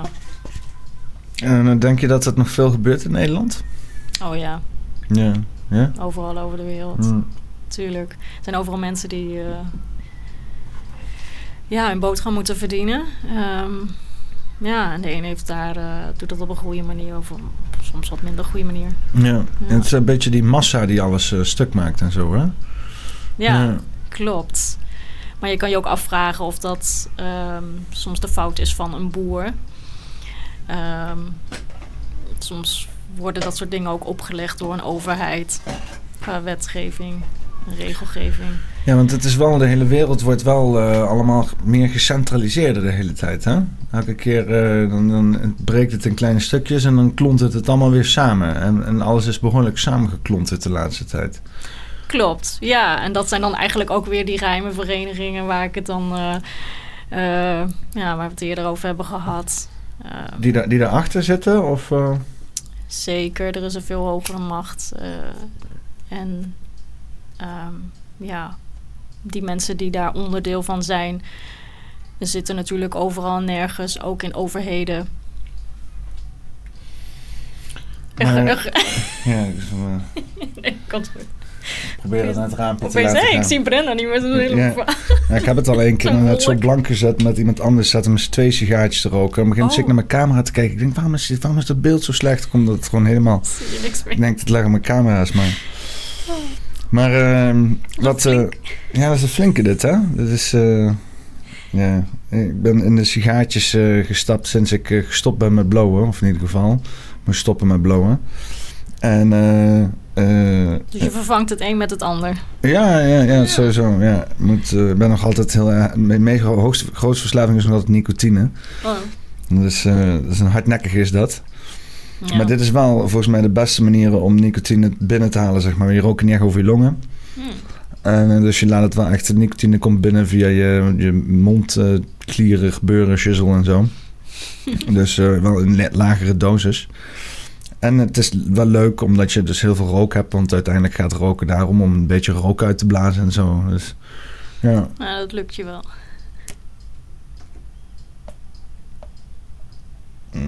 Sigaartjes roken. Ach ja. Maar ehm, stem jij op Nee, politieke Ik partijen? heb op, e- eerder wel. Ehm, maar ergens zie ik het nut er eigenlijk niet meer helemaal van in. Oké. Wat, wat wat stemde je hiervoor? Eh, verschillend. Ehm, ik, heb, eh, ik heb ook wel eens Wilders gestemd. Ja? Ja, Wilders. Nog wel, van alle mensen. ja. hoe, hoe dat zo? Ja. Vanuit welke... Wat, wat, wat, wat dacht je? Wat dacht je achter hem te gaan zoeken? ik weet destijds niet meer wat de reden was. Maar er zijn best wel wat punten waarbij ik denk... ja, die man heeft daarin wel gelijk. Misschien de manier waarop hij eh, het brengt... is niet helemaal eh, hoe ik het zou brengen. Kosher? Niet helemaal kosher? Nou ja, ehm, met veel naaste liefde, zeg maar. Die ontbreekt soms een beetje. Tolerantie en zo. Ja. Dus, eh, soms denk ik dat wel, ja. Ehm, maar ja, wat hij eigenlijk wil doen, ja, daar denk ik, daar sta ik soms wel achter. Ja, zeker. Minder migratie en zo. Ehm, nou, ik vind wel dat iedereen, ehm, ook ehm, als er oorlog in een land is, eh, een veilige plek moet hebben. Dat zonder meer. En, Maar ja, het is constante oorlog overal. Precies. En daar moet eigenlijk iets aan gedaan worden. Aan alle oorlog bedoel je? ja, de reden waarom de oorlog eh, plaatsvindt. Mensen zijn daar natuurlijk altijd de, de dupe van. Ehm, en ik denk dat er ook per oorlog gewoon gekeken moet worden wat is er aan de hand. En als we dan bijvoorbeeld kijken naar Amerika en eh, Biden die behoorlijk wat vluchtelingen toelaat en de grens over laat komen. Dat is iets heel anders, denk ik, dan weer dan ehm, de oorlog met Oekraïne, waar mensen echt op de vlucht slaan omdat ehm, ja, ze daar gevaar lopen. Nou, Mexico is ook wel lijpe oorlog gaande, hè? Een drugsoorlog. Ja, Drugskartels en zo en al dat soort eh, gedoe. Ja, maar als ik kijk naar die vluchtelingen, dan vind ik die anders dan de vluchtelingen die uit Oekraïne komen. Wat, wat dan? Meer taco's en zo. Meer... Barito, barito. Nee, ik heb het gevoel dat daar een, andere, een ander doel achter zit. Uh, bepaalde groepen mensen naar Amerika worden gehaald. Die zo dadelijk uh, misschien, um, misschien wel op Biden gaan stemmen. Zodat hij weer een volgende uh, ja, uh, termijn kan gaan zitten. Um, nou ja. Denk je dat Mexicanen fan zijn van Biden? Ik weet het niet. Uh, ze krijgen van alles toegestopt. Waarvan ik denk. Hm. Uh, maar denk je dat in, uh, in Nederland ook wel niet. Uh, in Nederland heb je ook wel een beetje zoiets. Hè, misschien niet zo. Maar je hebt zeg maar dan de, de, de, de, de democraten, liberale mensen, de, de D66ers onder ons. Die ja, hebben er toch ook wel voor gezorgd dat er heel veel. mensen van het buitenland hier naar Nederland komen onder allerlei omstandigheden. En uh, die verwachten dan een heel. Uh, dat, wat, dat vind ik grappig. Ik, vind, ik lach me elke keer weer rotten als ik erover nadenk.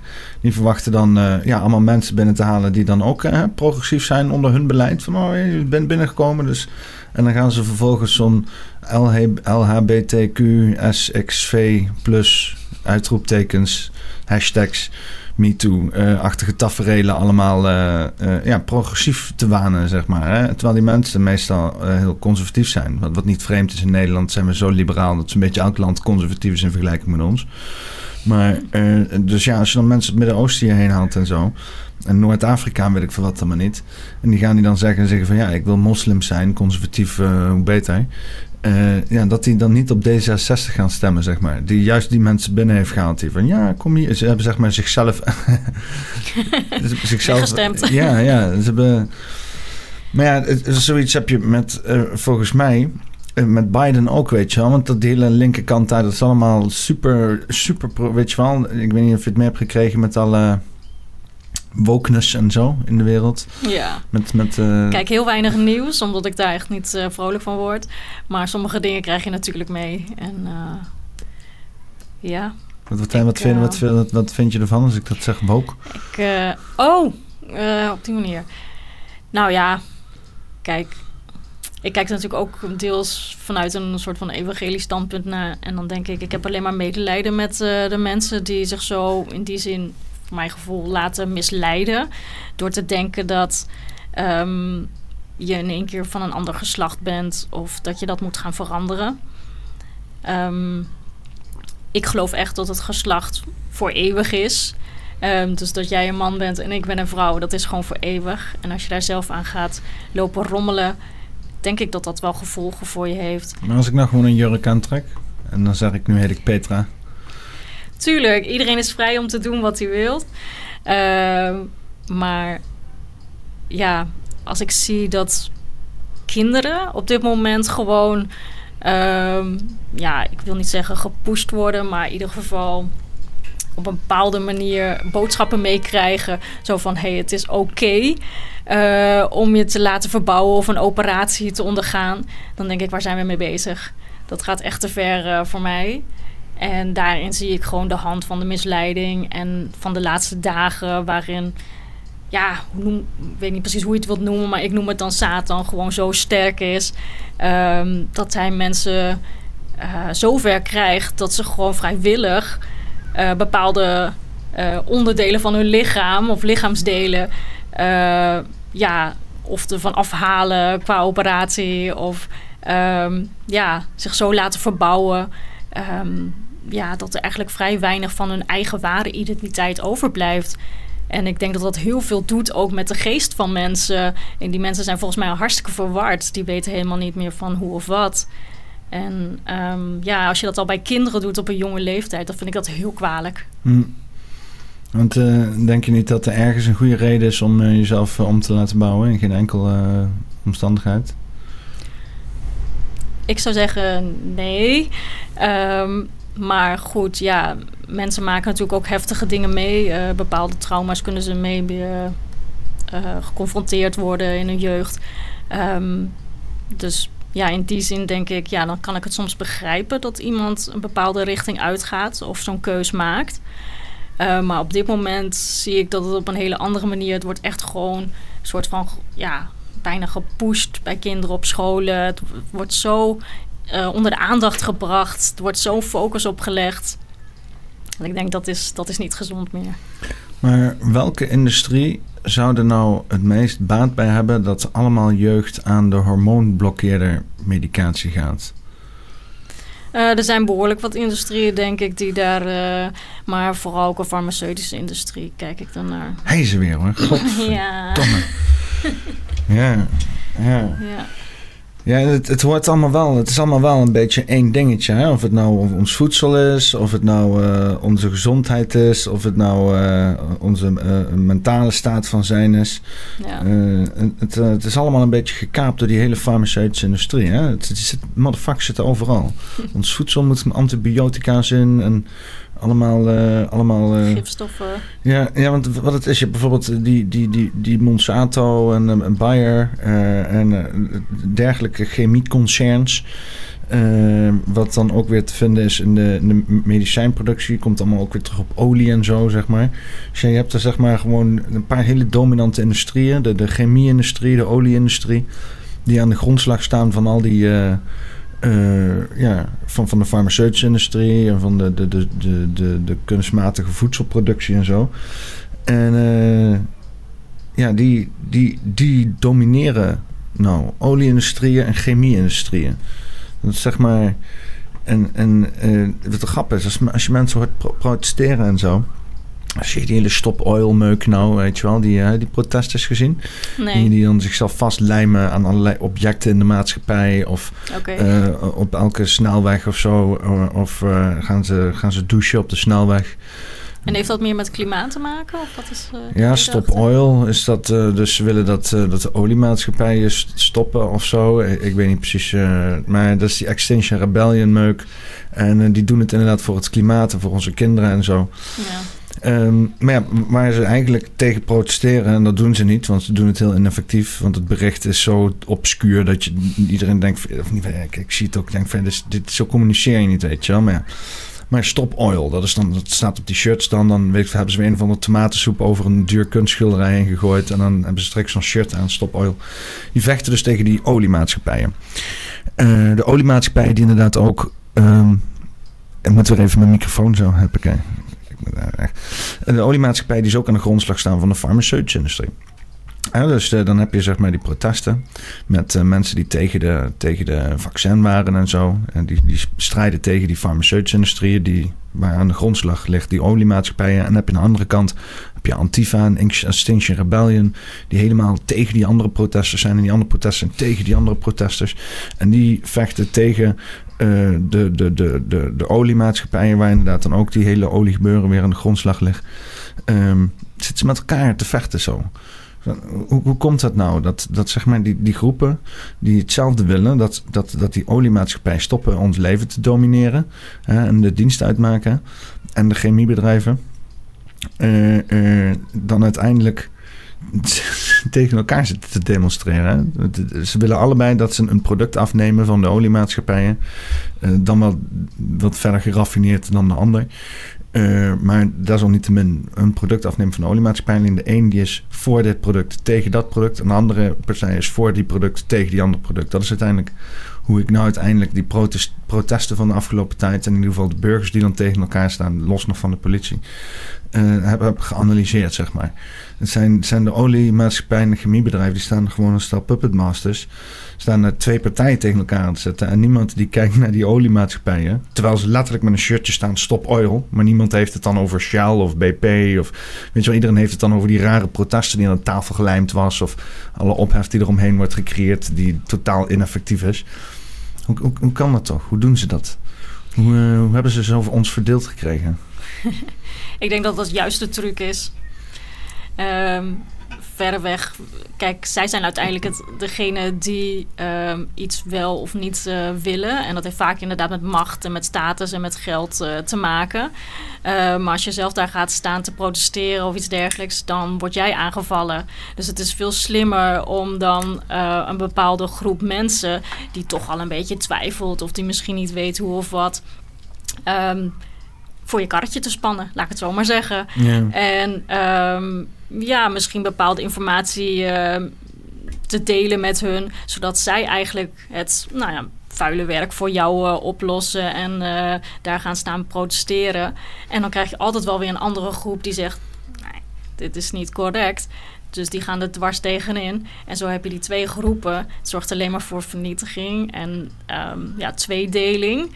Um, maar jij kan rustig achterover gaan zitten en wachten. Uh, ja, en eigenlijk ja, wordt voor jou alles al geregeld. En het is eigenlijk gewoon heel slim. En zo zie ik dat ook dat de overheid dat eigenlijk doet. Uh, er is zo'n tweedeling op dit moment uh, in het land. Um, en ook tijdens de coronatijd um, ja, was er ook die tweedeling.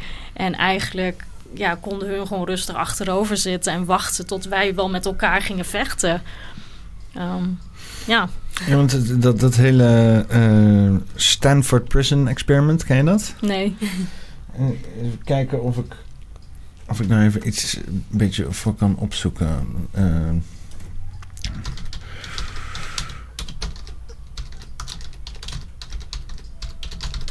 Even kijken. even een, een, korte, een korte video. 34 minuten? Nee, nee, dat gaat hem niet worden. De Stanford Prison Experiment. Oh, is film. Oeh, dat is wel interessant. De Stanford Spring.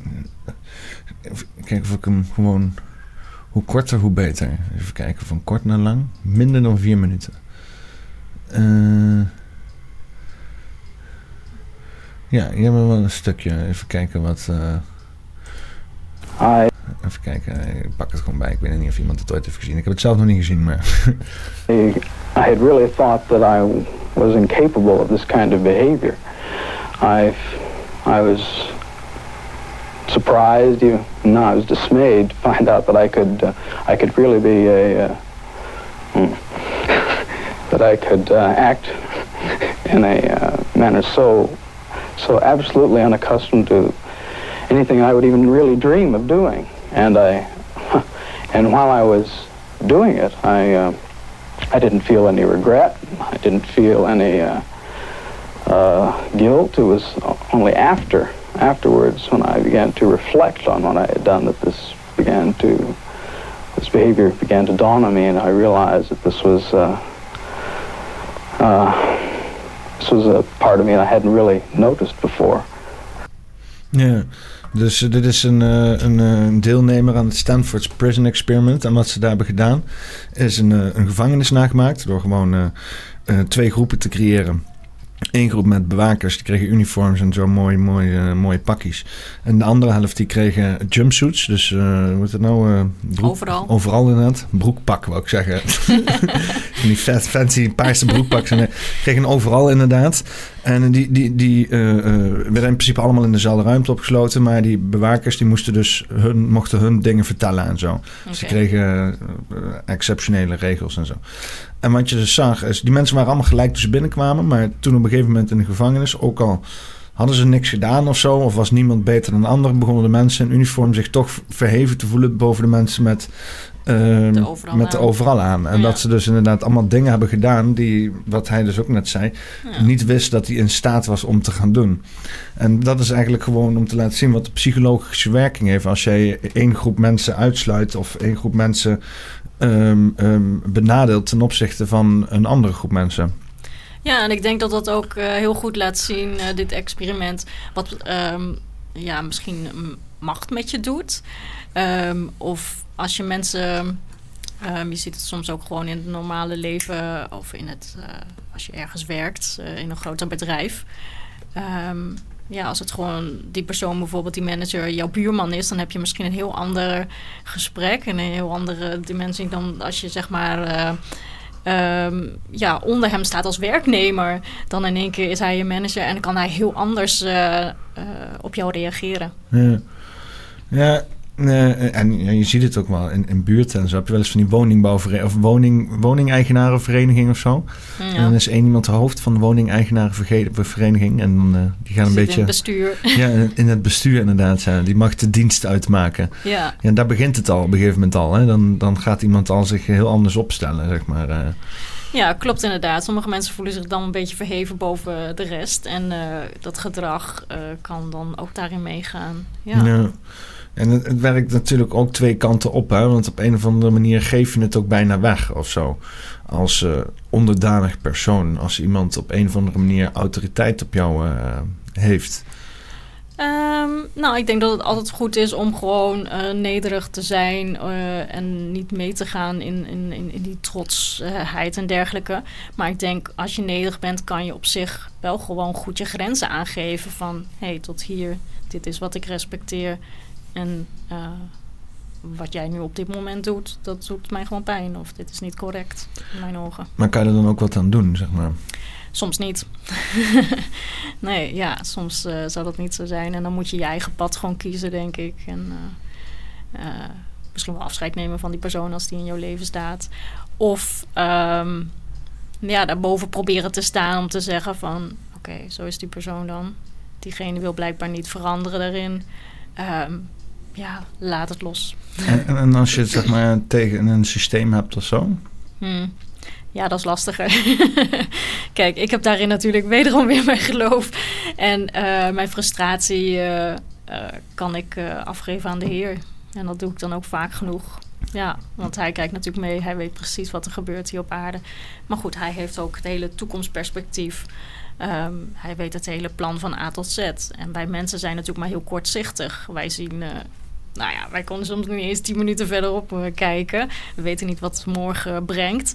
Ehm, we hopen soms wel dingen. Ik denk Eh. dat het morgen mooi weer wordt. Ja, daar kan je misschien best wel gelijk in hebben. maar er zijn ook zat dingen die wij niet kunnen voorspellen. En ehm, ja, dan is het soms goed als jij je frustratie hebt of, of iets dergelijks. Om dat gewoon bij hem neer te leggen en te vragen om rust. Maar eh, rebelleer jij nooit tegen een systeem?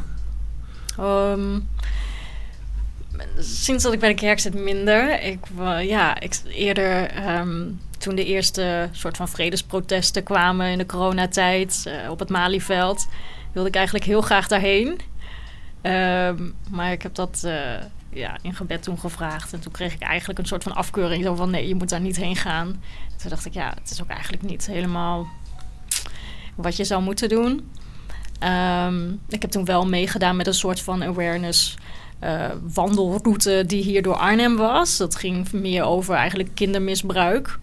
Is dat een soort van fakkeltochtachtige tafereelen? Ja, een beetje zo'n idee. Wij hadden in plaats van een fakkel hadden we dan een knuffel bij ons. Ja. Eh, maar dat, ja, het was wel dat we een hele route door Arnhem gingen lopen. In de hoop dat mensen gewoon eh, naar ons toe kwamen van... Hey, wat, wat doen jullie hier en waar, waar gaat dit om? En kwamen de mensen naar jullie toe die vroegen... Hey, er zijn wel wat mensen inderdaad, eh, ja, niet echt dat ze ons aanspraken. Wel dat ze gewoon keken van, hé, hey, wat is hier aan de hand? Eh, destijds liep er ook eh, gewoon politie mee. Dus die hield het verkeer ook tegen. Dus dan ja, hebben mensen natuurlijk ook de tijd om even te kijken van, hé, hey, wat loopt hier voorbij? En sommige mensen hadden een soort van bord of een soort van klein spandoek eh, gemaakt...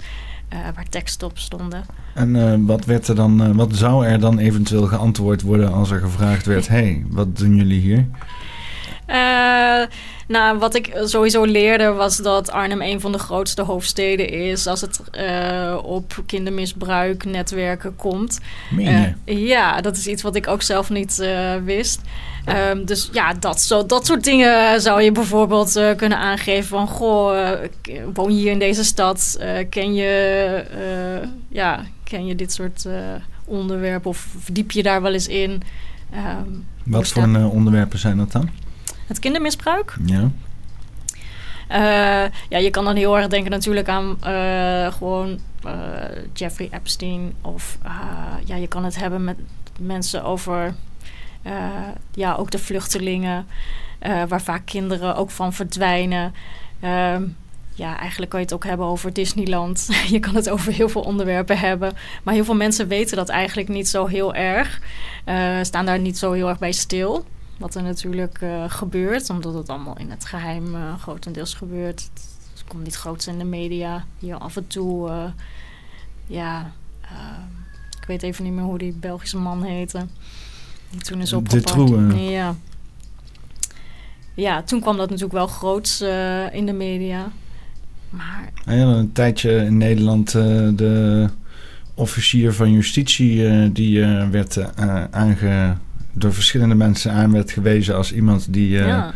bij eh, praktijken was van, eh, van ritueel misbruik. ja, klopt. Ja. Ja. Maar ik denk dat er nog dat dat veel mensen niks zegt.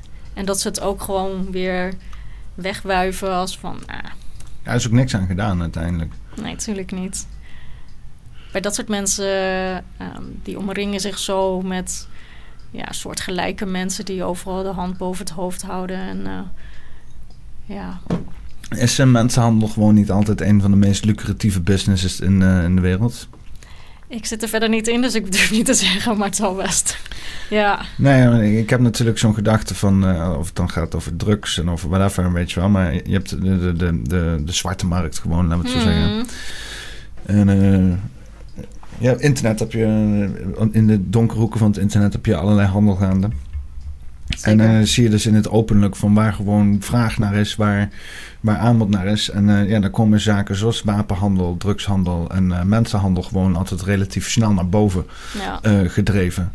Ehm, eh, mensenhandel kan natuurlijk heel veel vormen aannemen. kan een vorm van slavernij zijn, zowel seksslavernij als werkslavernij. Mensen die gekidnapt worden eh, eh, en- en verdwijnen in bepaalde kringen. Of mensen die gewoon in groepsvorm werken voor bepaalde instanties. Dan wel niet over grenzen heen in, in allerlei businesses. waar iets boven hun hand gehouden wordt. Weet je, of paspoortinname of een familielid wordt gegijzeld. en, en iemand wordt gedwongen om whatever te doen. In ieder geval gewoon ja, een soort van allerlei vernuftige manieren van slavernij. Van keiharde, eh, eh, recht in your face slavernij. Hè? Je hebt ook Heel veel mensen die zeggen van wij, zijn ook maar slaven, bij wijze van spreken. Maar we hebben nog enige bewegingsvrijheid. Hè? Ja. Ik kan in mijn gebouw uitlopen en zo. En, en, nou, in principe de grens over. Als ik, als, ik, als ik nog steeds kan, gelukkig nog steeds de grens over. Ehm, maar heel, sommige mensen hebben die luxe gewoon niet. En die Mhm. zitten vast in een vangnet. En eh, dat gaat van de, de, de meest eh, onschuldige manieren van mensenhandel. Wat denk ik dan meer eh, eh, mensensmokkel is. Hè? Dus mensen van de ene plek van de planeet naar de andere plek van de planeet hosselen. Wat in het beste geval gewoon voor een vast bedrag gaat. En dan mag je het daarna lekker zelf uitzoeken. In het ergste geval zit je vast in een of andere rare triade die jou dwingt allerlei dingen te doen. Omdat anders consequenties, repercussies, weet ik veel wat. Want ja, je bent hier maar in je eentje. Hè? En eh, dat is dan in één keer eh, een organisatie die alles van je weet. En, eh, ehm, eh, en ja, nog duizenden gradaties hoger en nog duizenden gradaties lager. Maar dat dat een soort van onvermijdelijk is, zeg maar. Dat, dat, als je het illegaal maakt, dan gebeurt het in de schaduwen. Als je het legaal zou maken, dan heb je zo'n onethisch systeem waar je helemaal kapot moet reguleren. Eh, ehm, ehm, maar wat, wat vind je ervan? Wat, wat, wat vind je van zo, zo duistere praktijken, wapenhandel, drugshandel? Ehm, kan dat niet? Moet dat weg? Want het lijkt een soort van onvermi- onvermijdelijk dat het altijd zal bestaan op een of andere manier. Ja, ik denk niet dat je het zomaar weg kan halen. Het is op dit moment al zo groot. En wat je zegt, eh, het is niet iets van, eh, van, van een paar jaar terug. Dit zijn zaken die al gewoon... Romeinen hadden ook gewoon slaven en zo, hè? Alleen Ja, toen was het ook, legaal. Toen was ja. mensenhandel gewoon legaal. En dan, ja, Ja, dan, dat is altijd door de geschiedenis heen geweest, inderdaad. Maar het lijkt wel nu gewoon een beetje de overtreffende trap. Ehm, ja, zeker als het met kinderen is en eh, seksueel misbruik. Dat is wel heel heftig. Maar als persoon alleen ga je daar niks uh, in veranderen. Je kan mensen misschien wel proberen daarin wakker te maken, zoals wij probeerden dan met uh, die route te doen. Maar ja, wat wil je gaan doen tegen dit soort grote netwerken? Um, ja. Ja, niet zoveel eigenlijk, hè? Nee. nee. het is een te grote macht die, uh, ja, die je niet omver krijgt. Wat denk je wat er met uh, al die verdwenen kinderen van het toeslagenschandaal is gebeurd? Eigenlijk wil ik het niet eens weten. Ja. Het is, uh, want daar, daar zie je ook altijd wel bij jeugdzorg en zo ook altijd een uh, mensenhandel uh, aspectje aan zit op een of andere manier. Zeker. Dat zijn de kinderen die dan vaak ook problematische jeugd hebben gehad of iets dergelijks. Of misschien eerder bepaalde verslaving hebben gehad. En die hebben zo erg eigenlijk de liefde nodig van de medemens en dan gewoon een goede basis. Um, maar, dan krijg je die loverboy-achtige praktijken en zo, hè? Ja, zij gaan vaak van het ene probleem in het andere. En uh, ja, dat vind ik best wel hartverscheurend, uh, dat soort verhalen. Ja. Ja. Ja, want er is, uh, er is natuurlijk al wel, wel aandacht aan gegeven, maar het lijkt ook de laatste tijd allemaal niet meer te bestaan als je kijkt naar mm. de, de mainstream kanalen. Hè? Op het moment dat je offline gaat, dan zitten er kinderen in tunnels en shit. Um, maar gewoon. Ja ja, weet je, vroeger kan ik me nog herinneren dat er dingen op tv waren. Dat ze nog wel eens op zoek gingen naar, naar zaken. Mensen die, uh, die verloren waren. Ook in die loverboy situaties was aangepakt en zo. Maar tegenwoordig is dat helemaal niet meer. Dus... Uh, Nee, en ik denk dat daar ook wel een reden toe zit. Ik denk dat de media sowieso gewoon ook een onderdeel van uh, ja, de praktijken van de, de, overheid en dergelijke organisaties. Dus het is helemaal niet de bedoeling dat dat naar buiten komt.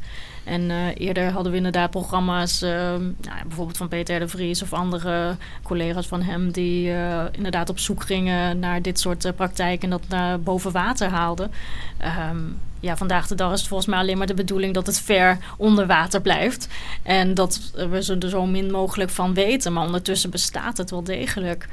Uh, maar mensen die alleen maar de mainstream media volgen, ja, krijgen dat eigenlijk helemaal niet mee. Um, terwijl als je op andere kanalen inderdaad kijkt, ja, er zijn er zoveel artikelen over, uh, zoveel bewijslast over. Kijk je wel eens tv? Uh, weinig. Heel weinig. Ja, dat is heel goed. Ja. Maar dit betekent weinig is betekent dat je nog wel eens de tv aanzet dus. Ja, soms wel. Eventjes voor uh, afleiding. Dat ik denk van, oh, ik wil gewoon eventjes iets aan hebben. En soms is het gewoon een pratend behang. Uh, wat, wat, zet je dan op? Uh, gewoon een soort van series die gewoon mij aan het lachen maken of iets dergelijks. Netflix of die of zo, gewoon. nee, dat heb ik niet eens.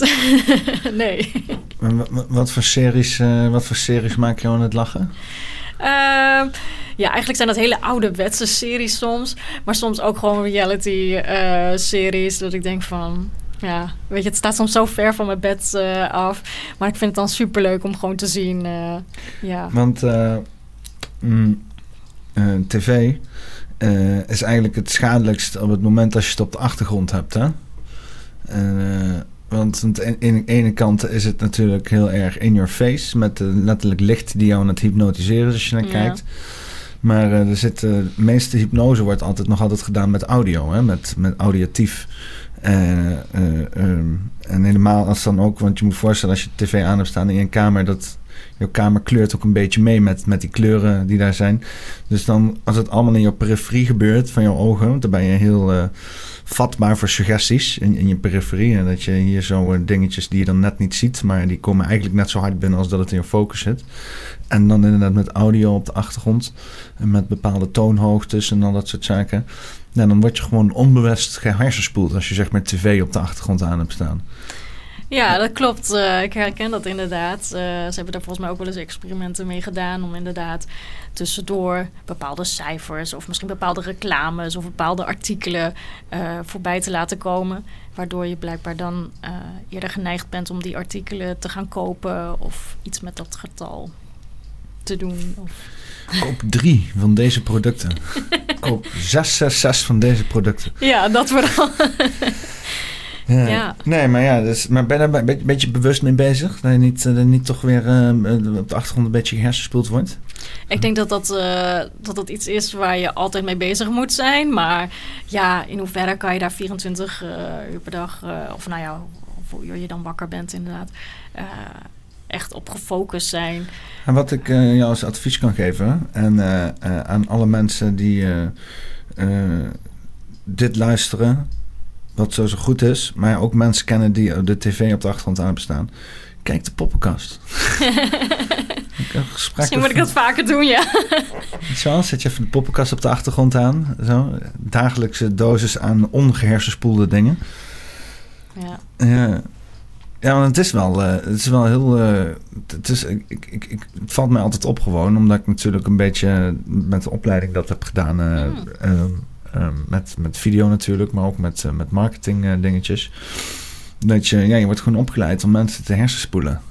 Weet Herhaling, kleuren, spreek mensen aan op een, uh, op een gedrag, op uh, emotionele toestand, op een plek die zij hebben in de maatschappij. Eindeloos segmenteren van mensen om ze in een hokje te plaatsen en ze op die manier, weet je wel, te zeggen van dit is wie jij bent en daarom wil je dit hebben, zeg maar. Letterlijk programmeren van mensen. Nou, dat is dan corporatieve propaganda, bij wijze van spreken. Ja. Maar uh, ja, dat wordt ook gewoon gedaan voor de overheid, voor ideële reclames, wat allemaal vanuit lobbygroepen en thinktanks allemaal de maatschappij in wordt geschoten. Um, ja, dat is wat je allemaal ziet in, in, in reclames op tv, maar dat zit ook diep geambed in programma's. Ze zit in de nieuws. Hè? Dus welk nieuws er weergegeven wordt, dat heeft allemaal te maken met uh, een bepaalde visie die uh, getoond moet worden ja, eigenlijk het beste kan je gewoon je tv raam uitgooien. Het is niet zozeer de tv het scherm, zeg maar, maar dat kastje, zeg maar. Wat heb je zo'n kastje of heb je gewoon Ja. zo uit de... Zo'n kastje heb je dan van, Ja. eh, van de Ziggo of KPN of zo. Ja. En dan doe je dat kastje zo... Weet je wel? En gewoon op de grond en dan pak je je bijl zo en dan hak je zo het hele kastje in de gat van zo. Sorry. Dat is een beetje agressief hier zo, hè. Ik kan hem ook gewoon terugsturen, hè? Het is een, is een Hongaarse bel. Echt gekregen van mijn vorige gast. Maar eh, ja, nee, maar en, en dan eh, nog even van het balkon afgooien en dan bij elkaar vegen en dan terugsturen. Dus dat- Oh, zo dat- doen? Ja, ja. Zeg, hoezo? Ik heb hem toch teruggestuurd? nee, ja, maar eh, dat is het beste wat ik kan doen eigenlijk. Ja, het klopt wel wat je zegt. Er zit heel veel misleiding in. En ja, jij hebt het waarschijnlijk dan dus inderdaad je opleiding gehad. Ja, veel mensen hebben dat misschien niet.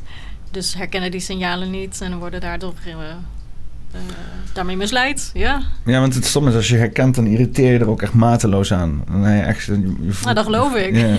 ja. Dus eh, het, het, is, eh, met, het is ook zo indringend. Moet nog een beetje water? ja, lekker. Het is zo indringend. Het is zo. ehm, eh, ja, echt. echt het, is, het, is, eh, het is heel erg. en mensen die denken ook vaak van. Ah, het is onschuldig toch? Nee, dat is niet zo. Maar als, ik er dan een beetje uitleg van. Ja, dit is wat er echt gaande is. Wat natuurlijk gewoon iedereen kan zien. En wat het met je doet. Wat allemaal gewoon eh, bevestigd is door allerlei eh, experimenten. Zo een van is bijvoorbeeld die Stanford Prison Experiment. Maar je hebt allerlei. Eh, eh, ehm, je hebt ook zo'n zo'n experiment waarbij dan eh, eh, een, een man in een doktersjas ging vertellen dat iemand aan een bepaalde knop moest draaien om mensen te straffen die aan de andere kant van de kamer zaten. En die kregen dan een elektrische schok als zij de antwoorden niet goed hadden op de vraag. Dus die persoon, het persoon die een experiment, eh, die, die het onderwerp is, komt de kamer binnen, die ziet dan een dokter staan in een jas, weet je wel, witte jas. En eh, die gaat in een groot bureau zitten en die zegt, ja, jij neemt daar plaats. Eh, en wat je moet doen is op mijn eh, aantekeningen de knop omhoog draaien en op, op de knop drukken. En eh, dus dan wordt er een vragenlijst voorgelezen en dan iemand aan de andere kant van de kamer, zogenaamd, eh, die antwoordt op die vraag en die antwoordt fout. En dan krijgt hij het onderwerp, de man die dus de, de- het onderwerp is van het experiment, de taak om op de knop te drukken. En die drukt op die knop en dan hoor je eh, op de achterkant hoor je, au, au, weet je wel. Nou, die man krijgt dus die dokter en die doktersjas doet weer opnieuw een vraag naar de man, zogenaamde man in de andere kamer. Eh, en die antwoordt weer vrouw en nu eh, antwoordt hij weer fout. En dan zegt die man, die dus eh, eh, het onderwerp is van het onderzoek, zegt van, eh, die krijgt te horen van de wetenschapper van, oh, draai die knop maar één standje omhoog en druk maar nog een keer op de knop. En die drukt, doet dat en die man aan de andere kant van de kamer hoor je dan harder ouwe zeggen. Hmm. En dan gaan ze dus kijken hoe lang ze dit door kunnen doen totdat de persoon die het onderwerp is van het onderzoek. En elke keer dus op uitvoering van een man in autoriteit eh, op die knop blijft drukken om iemand aan de zogenaamde andere kant van de kamer eh, meer en meer pijn te, om, om te ondervinden. Ehm, dat ging behoorlijk ver. Dat ging Echt? gewoon tot de maximale stand. En dat waren gewone mensen uit onze samenleving die gewoon, die waren geen psychopaat of zo, waren, geen, waren gewoon mensen die gewoon blind in autoriteit geloven. Ehm, ja, dus als zij dat verteld krijgen door een man in een doktersjas, dan hebben ze iets van ja, nou ja dat is, dan is het niet mijn probleem, weet je wel. Of eh, weet je wel, sommigen die, die moesten kregen wel een halve mental breakdown en zo, je had er een paar Ja. tussen zitten. Eh, maar die dus echt niet, niet, ook niet gewoon zo zeiden van ja, nou ja, eh, luister, ik weet niet, doe maar lekker zelf, doe je. Maar gewoon echt heftig in conclave gingen en, en echt zichzelf gevangen voelden, terwijl ze gewoon elk moment konden weglopen, weet je wel. Maar dus hoeveel kracht het heeft als je iemand in een doktersjas neerzet die jou iets vertelt, dat, dat doet ook iets met ons. Hetzelfde als die Stanford's Prison Experiment, dat je dus iemand hebt in een bewakersuniform. Ehm, ja, je hebt dit soort beeldvormingen, dat is allemaal heel erg bewust gedaan. Je ziet het ook in reclames, bijvoorbeeld met eh eh tandpasta reclame. Hè? is klinisch bewezen. En dan zie je zo'n vrouw, een blonde vrouw staan in een doktersjas. Het is van iemand van een fucking castingsbureau. Het is helemaal geen dokter. Ja, maar ik zie dat dan en denk ik, oh, tandpasta goed voor gezondheid, weet je wel. Ehm, Ik ja, gebruik het zelf ook al tien jaar. ja, wel, tandpasta wel. nee, dat zeggen ze dan toch Oh, dat meestal. zeggen ze, ja, ja, ja. ja. Ik gebruik het tien jaar. Mijn tanden zijn er nooit zo wit geweest. Ja. Ja, als je ziet uit hoeveel van dat soort aspecten reclame bestaat. En dat is alleen maar nog de beeldvorming. En dan heb je dus inderdaad dat aspect hypnose. Waarbij dus inderdaad geluid met kleuren, eh, deuntjes, weet je wel. Pim, pim, pim, pim, pim, pim, weet je wel. Ja. Eh, weet ik veel, eh, mensen helemaal herprogrammeerd. Eh, eh, eh, eh, en ook als je een beetje verdiept in hoe het brein werkt. Brein die, als je nadenkt over hoe gedachten jou, bij jou binnenkomen. Voordat het zeg maar een gedachte is in je hoofd. Voordat jij in je hoofd iets hebt van... Oh, ik moet eh, dit of dat. Of dat je iets ziet, weet je wel. Dan gebeurt er nog, daarvoor gebeurt er nog iets. Het moet eerst verwerkt worden, zeg maar. Eerst jouw brein die werkt heel suggestief op aannames. Op dingen die nog moeten komen. En hoe die daarop anticiperen en zo. Dus daar zit heel veel ruimte voor invulling, psychologisch gezien. Dan kan je Hm. het brein triggeren. Dan hebben ze dat helemaal uitgedacht met van die, met die stickers op je kop overal. En dan eh, gaan ze gewoon ze testen, dingetjes laten zien, beelden, kijken hoe hersenen stimuleren. Dus, dus marketing is dit niks anders dan gewoon de hele tijd het brein fucking foppen van andere mensen op afstand. Om precies te denken en te laten doen wat, wat jij wil, weet je wel, gedragsvorming. En dus in die, in die pandemie is daar zo schaamteloos gebruik van gemaakt. Hè? En wat ik zei, je hebt dat verdeel- en heers stukje erin zitten. Mhm. Je hebt dan inderdaad de constante herhaling, de witte jassen, hè? De, de, de constante experts die constant op in de groep, eh, het, eh, het verlenen van meer rechten naar andere rechten, die Christensen Prison Experiment. Ze hebben zeg maar het hele PR-marketingschap hebben ze gewoon losgelaten op de maatschappij alleen maar om één doel te dienen. En dat is eh, het pleasen van de farmaceutische industrie. Ja, en ik denk dat een groot deel ook is eh, angst creëren. Wat ze ook nog hebben kunnen doen. eh, om te zeggen van, oké, als je dit niet doet, dan nemen we dit van je weg. Of dan gebeurt er wellicht dit met je. En dan ja, erg, ernstige gevolgen aangeven. Terwijl daar helemaal geen wetenschappelijke eh, bewijzen voor zijn. Maar inderdaad dan eh, gewoon iemand kiezen en zo'n jas inderdaad aantrekken. En zeggen van, nou, dit is de wetenschapper of dit is eh, de dokter anders en die weet het dan wel. Ehm, terwijl volgens mij zat er een dierenarts bij of zo. ik weet het niet. Ergens was een dierenarts, ja, een of andere app of zo. dat is toch wel eh, heel ongeloofwaardig, denk ik dan. Ja. Die, app Osthaus heeft het al een keer eerder gedaan. Hè? Dat was niet eens zijn eerste ritje. Oh, echt? Ja, die heeft met de Mexicaanse griep heeft hij precies hetzelfde uitgevoerd. Oh, Ging hij ook helemaal in campagne in Nederland iedereen bang maken over een of ander virus wat eh, in de marge zat, zodat hij zelf zijn eigen vaccinaties kon verkopen en zo. Maar zo werkt Bill Gates toch ook? Prima. Ja, ja Bill Gates Ja. is gewoon eigenlijk een, eh, een, een, eh, app was zeg maar een voorloper op Bill Gates. Ja, ja echt. Dat is Nederland is zo. hip, jongens. Ze staan altijd vooraan als het kan met de trends. Ja. Eh, maar ik vind het wel interessant wat je zei inderdaad over eh, het experiment. Eh, wat ik af en toe dan ook nog wel eens op tv kijk, is inderdaad misdaadseries. Of gewoon echt een soort van wat dan in waarheid wel is gebeurd. En ik vind het altijd heel erg interessant om dan naar de psyche te kijken van de mens. Ja, en in hoeverre en waarom ben je in staat om een ander ja, echt pijn aan te doen. En misschien nog zelfs zo verder te gaan dat je diegene ook echt daadwerkelijk vermoordt. Ja, dat is de, Milf, eh, de Milgram, Milgram experiment is dat. Oh, oké. Ik ga eens even een klein stukje, klein stukje kijken. Dan ga ik het even wat nieuws drinken te pakken.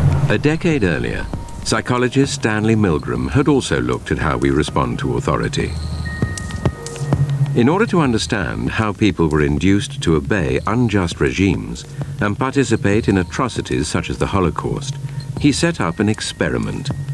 Volunteers were told they were taking part in scientific research to improve memory. Would you open those and tell me which of you is which, please? Teacher. Teacher. Separated by a screen, the teacher would ask the learner questions in a word game and administer an electric shock when the answer was incorrect. He was told to increase the voltage with each wrong answer. Cloud. Horse. Rock. House. Answer. Wrong. 150 volts. Answer. Horse. Experiment. That's all. Get me out of here. Get me out of here, please. Continue, please. Go right on. I refuse to go on. Let me out. You refuses to go on. The experiment requires you continue, teacher. Please continue. Participants didn't know that the learner was really an actor and the so-called sharks harmless. You're gonna get a shock. 180 volts. I can't stand the pain. Let me out of Can't here. stand it. I'm not gonna kill that man there. I mean, who's gonna take the responsibility if anything happens to that gentleman? I'm responsible for anything that happens here. Continue, please. All right, next one. Slow. Walk, dance, truck, music. Two-thirds of volunteers were prepared to administer a potentially fatal electric shock when encouraged to do so by what they perceived as a legitimate authority figure. In this case, a man in a white coat. 375 volts. I think something's happened to that fellow in there. I don't get no answer. He was hollering for less voltage. Can't you check in and see if he's all right, please? Milgram's findings horrified America. They showed that decent American citizens were as capable of committing acts against their conscience as the Germans had been under the Nazis. Ja, dus... eh wat, eh, wat, wat, wat, wat vind je van? Ja, ik vind het bijzonder eh, hoe mensen dat eh, kunnen doen. In mijn eh, visie eh, is elke mens eh, hetzelfde. Ja.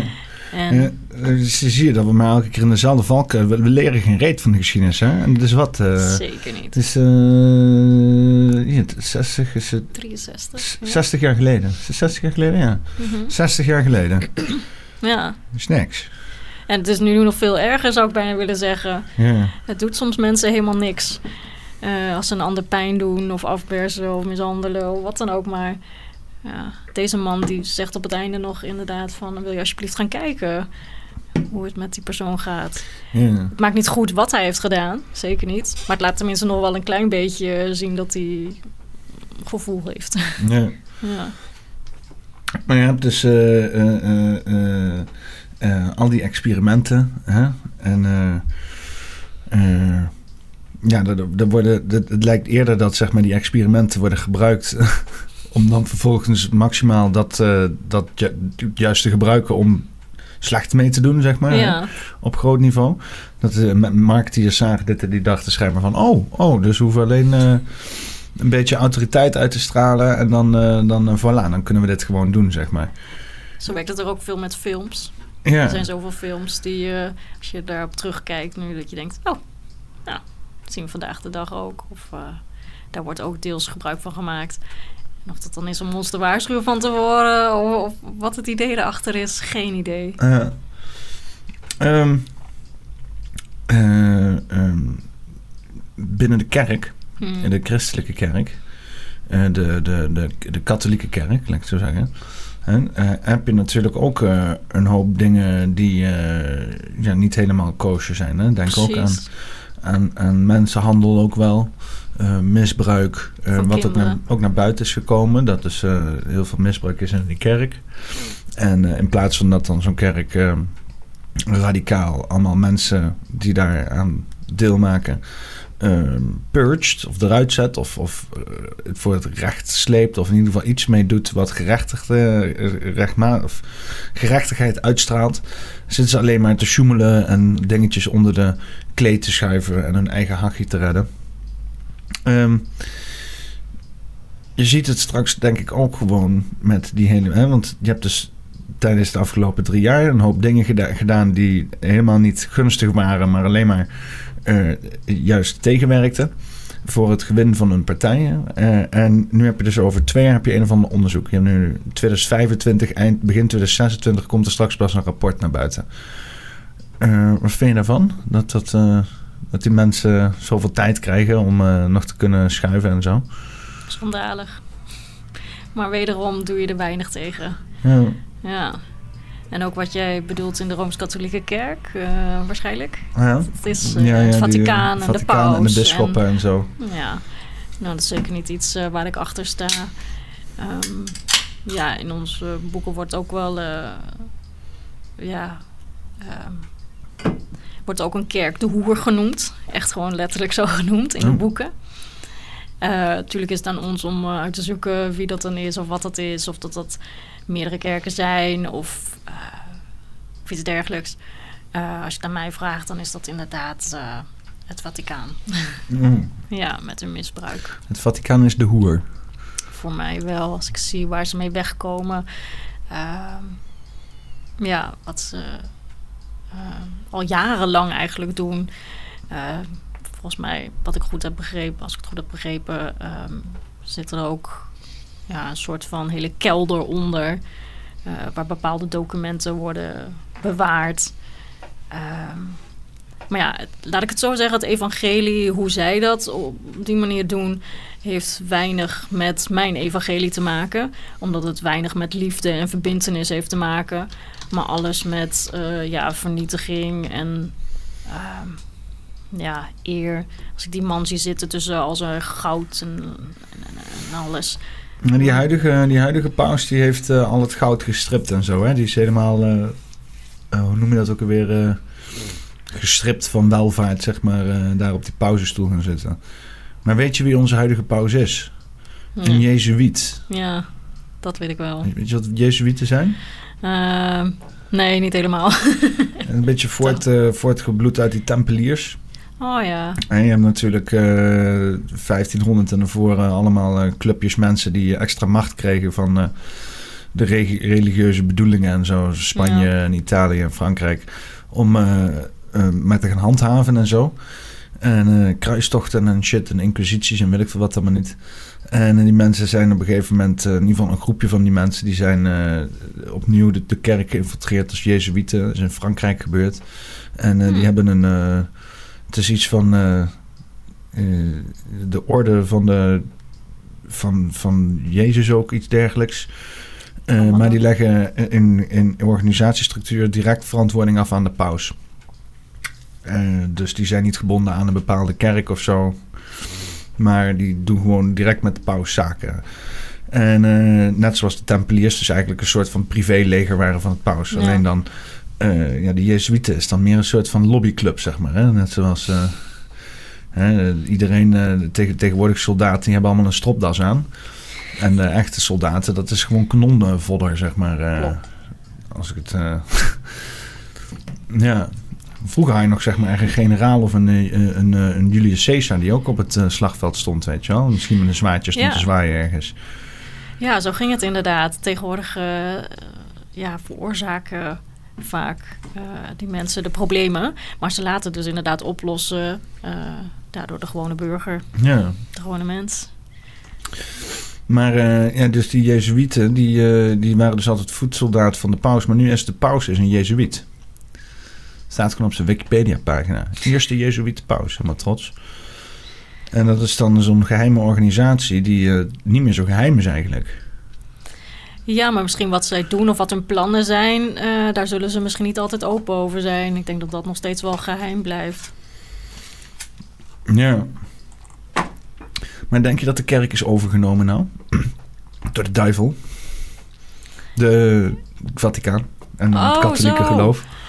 Um, nou, ja, in die zin denk ik uh, wel degelijk dat hij niet de beste intenties heeft. En dat hij zich wel degelijk heeft laten misleiden door, uh, door de duivel. Want wat hij doet, uh, ja, sta ik gewoon niet achter. En dat zie ik niet als het ware geloof. wat de mensen dichter tot elkaar brengt. of elkaar helpt. Nee, zeker niet. Ja. Oké. En ik, ik heb nog maar ook een vraag. Want uh, ik ben dan bezig een beetje met spiritualiteit op mijn manier. Hmm. En uh, ik uh, vind het wel degelijk in iets van mezelf. En dat, ik het, dat ik het naar binnen keren heel belangrijk vind. Um, en waarbij, als ik zeg maar proactief wil zijn, ook echt de realisatie moet hebben dat het aan mij is om de vak iets eraan te doen, zeg maar. Mm -hmm. En het, op een gegeven moment het uitbesteden aan iets wat niet in mezelf zou zitten, zou voor mij mm, contraproductief werken. En dus ik, ik, zoek het allemaal in mezelf. Eigen, ik kan het. dat is mooi als je dat kan. Ja. ja. Maar wat je dus heel erg hebt, is vanuit um, Abrahamse kanten. Uh, en zoals ik het zie, vooral inderdaad waar de machtsstructuur het sterkst is. Dat zij juist willen dat je uitbesteedt. Dat je, je je soeverein macht of spiritualiteit wegzet bij iemand anders. Dan wel niet een priester of een bepaalde ideologie of uh, een, een bepaalde iets wat in de handen is van een ander. Hè? Dus in het geval van. Uh, van, uh, zoals ik dan naar, het christendom, uh, vooral de katholieke kant ervan kijk, en eigenlijk ook de protestantse kant, is van, nou, we leggen het uit mezelf en het is aan God. Wat ik ook wel een beetje van jou hoor, hè? je bent met een externe factor bezig, die, waar je het vertrouwen in legt, uh, wat dan in principe gemanipuleerd kan worden, hè? omdat het buiten jou is.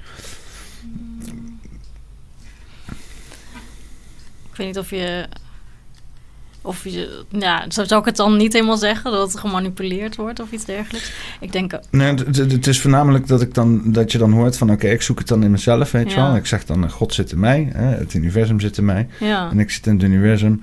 Uh, maar ik, ik, zoek het gewoon in mezelf. Hè. En dan, dan, dan, en dan, dan bijvoorbeeld als, ik, als, er, als er iets is wat ik. Uh, hè, als ik mezelf in een goede toestand heb gekregen en ik, ik manifesteer iets dat ik denk, oh, dat, dat, is, dat heb ik in samenwerking met het universum, heb ik dat zo voor elkaar gekregen. En ik, wijs dat ook wel een beetje mij toe, want dan weet ik van, oh, nou, dan kan, kan ik het de volgende keer kan ik het ook weer doen, zeg maar, weet je wel.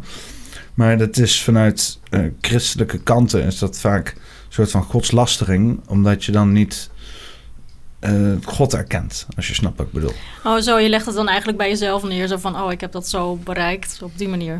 Bedoel je dat? Ja, ja vaak, vaak wordt dan zeg maar, nu vaak, je, je ziet een beweging waarbij vanuit christelijke kanten, maar ook van Abrahamse kanten, waarbij zeg maar die spirituele beweging, waarbij mensen vanuit hunzelf hè, uh, uh, hun eigen persoonlijke relatie hebben met, met het universum en daar niet een god aan laten hangen, dat dat godslasterend wordt bestempeld, omdat dat dan het werk van het ego zou zijn. Oké. Um, nou, ik geloof sowieso dat iedereen gewoon het licht heeft. Uh, of dat je nou gedoopt bent uh, in de kerk of niet. Uh, dus iedereen heeft die communicatie met de Heilige Geest. en, of ja, de Heilige Geest, zeg maar, die ze kunnen gebruiken om de communicatie met de Heer of met het universum, of, of, hoe je het maar wilt noemen, heeft. Daar hoef je niet voor gedoopt te zijn.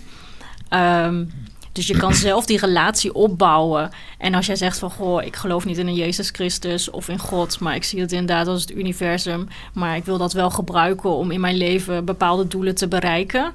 Um, ja, dan moet je dat uh, vooral op die manier doen. Want dat is precies hoe wij dat ook eigenlijk doen. Alleen zien wij het wel als zijnde...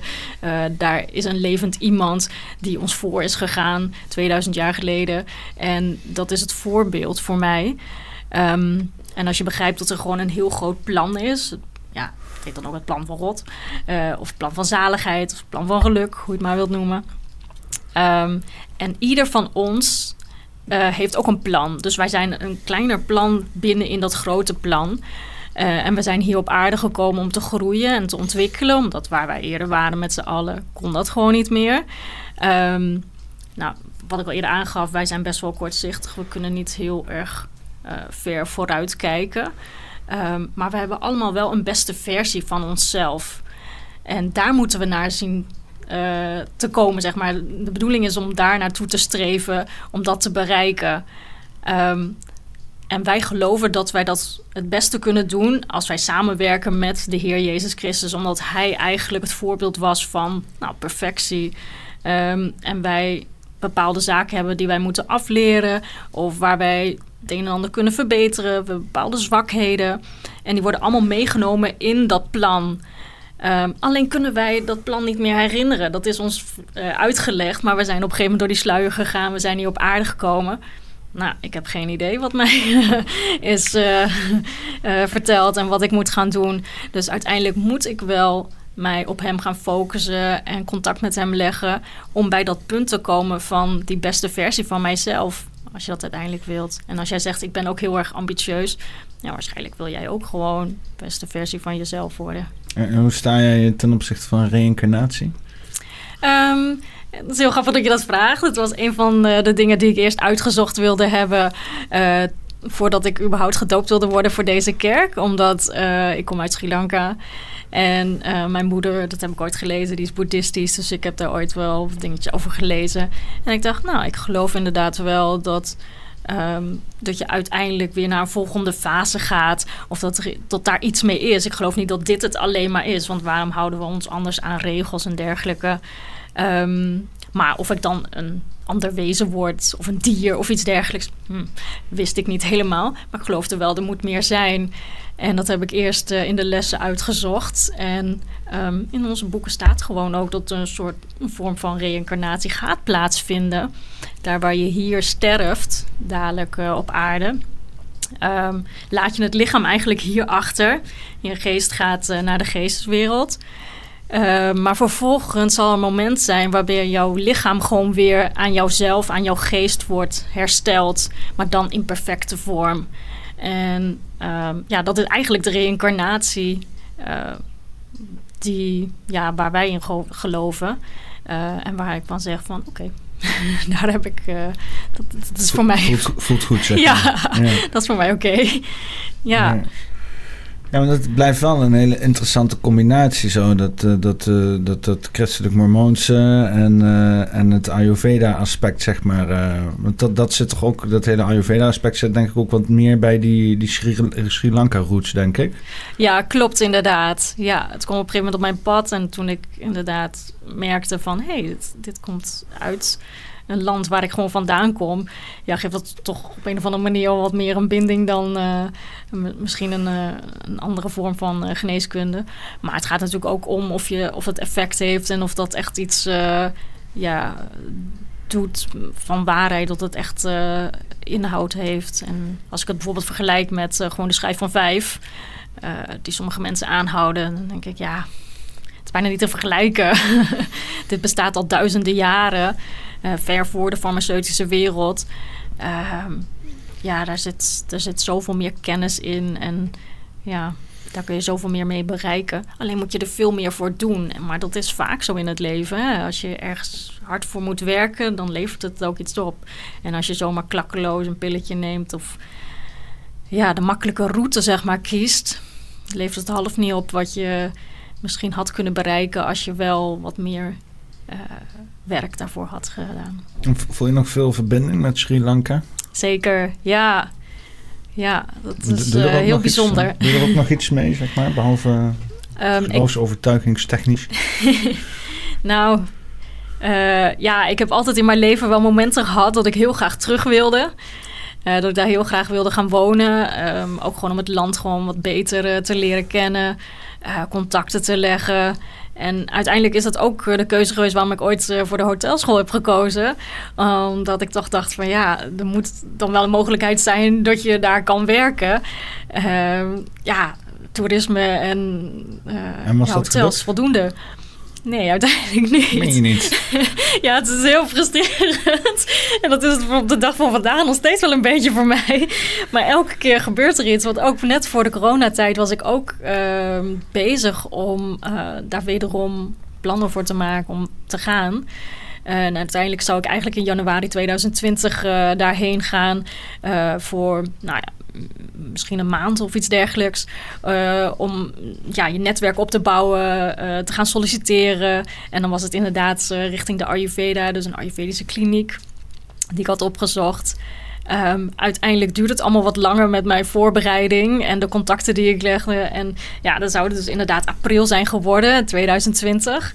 En toen was ik een ticket aan het boeken en ik kon maar gewoon niet het juiste ticket vinden. Alles had uh, ontzettend veel um, ja, overstapmomenten of net op hele ongunstige tijden. dat ik dacht van, nou, hoe is het mogelijk? En toen vervolgens vond ik één ticket. Ik was het aan het invullen. En toen kreeg ik een heel naar gevoel. Toen dacht ik, hmm, misschien is dit het niet of zo. Gaat het vliegtuig neerstorten? Wat is hier aan de hand? Moet je dingen hier in Nederland doen? ja, nou ja, en toen, ja, toen heb ik er dus gewoon over gebeden van, ja, wat is hier aan de hand? Toen voelde ik gewoon van, ja, dit wordt hem niet. Dus ik heb alle gegevens weer uh, uit het scherm gehaald. Ik dacht, oké, even kijken hoe dat dan voelt. En het leek wel of dat een soort van last van mijn schouders afviel. Zo van, nee, dit is gewoon goed. Je moet hier blijven. Maar, eigenlijk wou ik dat niet. Ik ben nog helemaal niet in Sri Lanka geweest. Jawel, ik ben wel ooit terug geweest toen ik een jaar 14 was. Samen met mijn ouders uh, en mijn zus hebben we toen een rondreis gemaakt. Maar dat zorgt er alleen nog maar meer voor dat ik heel graag terug wilde.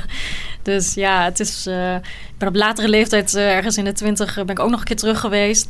Ook gezocht, geprobeerd te zoeken naar ja, familieleden. Maar daar kom je ook heel veel corruptie tegen. Heel veel draait daar ook om geld natuurlijk.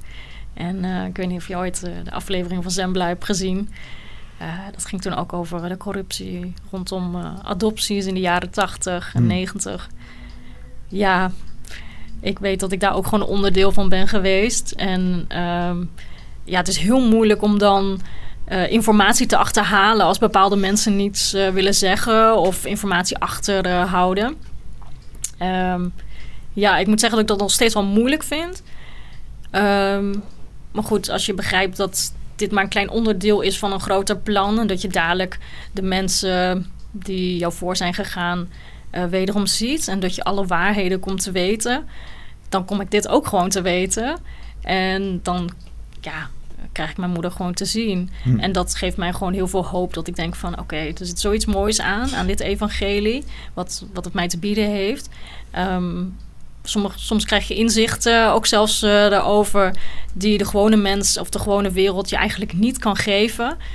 Um, ja, dus daarin biedt het evangelie mij meer dan op, wie anders uh, kan. Ben je op missie gegaan? Uh, je bedoelt als zendeling? Ja. Nee, eigenlijk uh, is dat voor een bepaalde leeftijd. Rond 18, 19 jaar. Volgens mij zit ook een max leeftijd. Ja. Wat dan nou weer? Ben er nooit te oud om op missie te gaan. Kom op zeg. Kerk, ja. kom op. In principe kan, je, kan iedereen, uh, en dat is ook eigenlijk de bedoeling... elke lid van een kerk kan als ambassadeur natuurlijk... voor mooi het evangelie en voor het kerk werken. Uh, huppakee, naar ja. Sri Lanka toe. Huppakee. Nou ja, Sri Lanka, daar zitten ook inderdaad uh, drie kerken van, of ja, kerkgemeenschappen, kerkgebouwen van onze kerk. dus ze zijn er wel. Maar het aantal christenen is, is, is klein natuurlijk vergeleken met het boeddhisme, het hindoeïsme. De islam is daar ook wel. Ja. ja, ja. Maar dus je kan niet meer na een bepaalde leeftijd op missie? Of in ieder geval niet, uh, want dat wordt dan zeg maar voor de jeugd wordt dat dan gefaciliteerd? Want ik begreep van, uh, um, um, niet Adam, maar uh, Amon. Amon. Sorry, ik ben zo slecht in namen. ik begreep van Amon dat hij dus inderdaad vanuit Amerika hier was. En dan ging hij nog door naar iets anders. Dus die slink aan het reizen, zeg maar. Ja, eigenlijk ehm, dien je aanvraag in. En vervolgens krijg je um, een papier opgestuurd en daar staat in uh, waar je heen gaat. En hij kwam uit België. Oh, en eigenlijk zou hij naar Afrika gaan, maar hij was nog aan het wachten op zijn visum. En daarom is er destijds denk ik gezegd van... goh, begin alvast maar en start dan maar naar Nederland. Nederland. Zit ook, zit ja. ook net Afrika. okay. Geen idee wat daar de inspiratie was, durf ik niet te zeggen. Maar uh, je hoeft natuurlijk niet per se zo'n blouseje aan te hebben en uh, langs de deur te gaan of in het centrum te staan om uh, ja, dat evangeliewerk te doen. Je kan dat ten alle tijden, kan je mensen het goede voorbeeld laten zien of iets vertellen over het evangelie. Maar je zou nu naar Sri Lanka kunnen gaan, daar in de kerk kunnen aankloppen en zeggen van joh paas me even een huis dan of zo. nou, ik weet of dat... nou ja, je kan het ook wat nediger vragen, zoals ja. help me aan onderdak. Maar... Ja, nou ik merk wel, en omdat wij natuurlijk vanuit gaan dat we allemaal kinderen van God zijn, dus dat we één familie zijn, um, waar ik ook maar ter wereld ben geweest en een kerk heb bezocht, um, mensen behandelen je wel heel anders alsof je inderdaad het zusje bent of um, ja, de dochter bent van wie dan ook maar. Maar je bent wel echt als familie en je wordt echt zo gezien En dus als jij inderdaad zou vragen van... goh, ik heb geen slaapplek. Nou, 9 van de 10 keer krijg je die zo aangeboden van mensen. Ook al hebben ze je nog nooit gezien. Omdat ze gewoon weten van... hé, hey, we zitten op, als het goed is op één lijn... of deels op één lijn het evangelie bin, ja, verbind je dan gewoon daarin. Ik wil een vraag, hè? Want uh, mooi in het... Uh, in, uh, ga ik even een WEF-approved vraag stellen. Hier. Ben jij een wereldburger of ben je een Nederlander? Of ben je een Sri Lankees? Sri Lankees? Sri Lankiaan? Sri, Sri Lankier? Sri Lankaan. Sri Lankaan? Oké. Okay.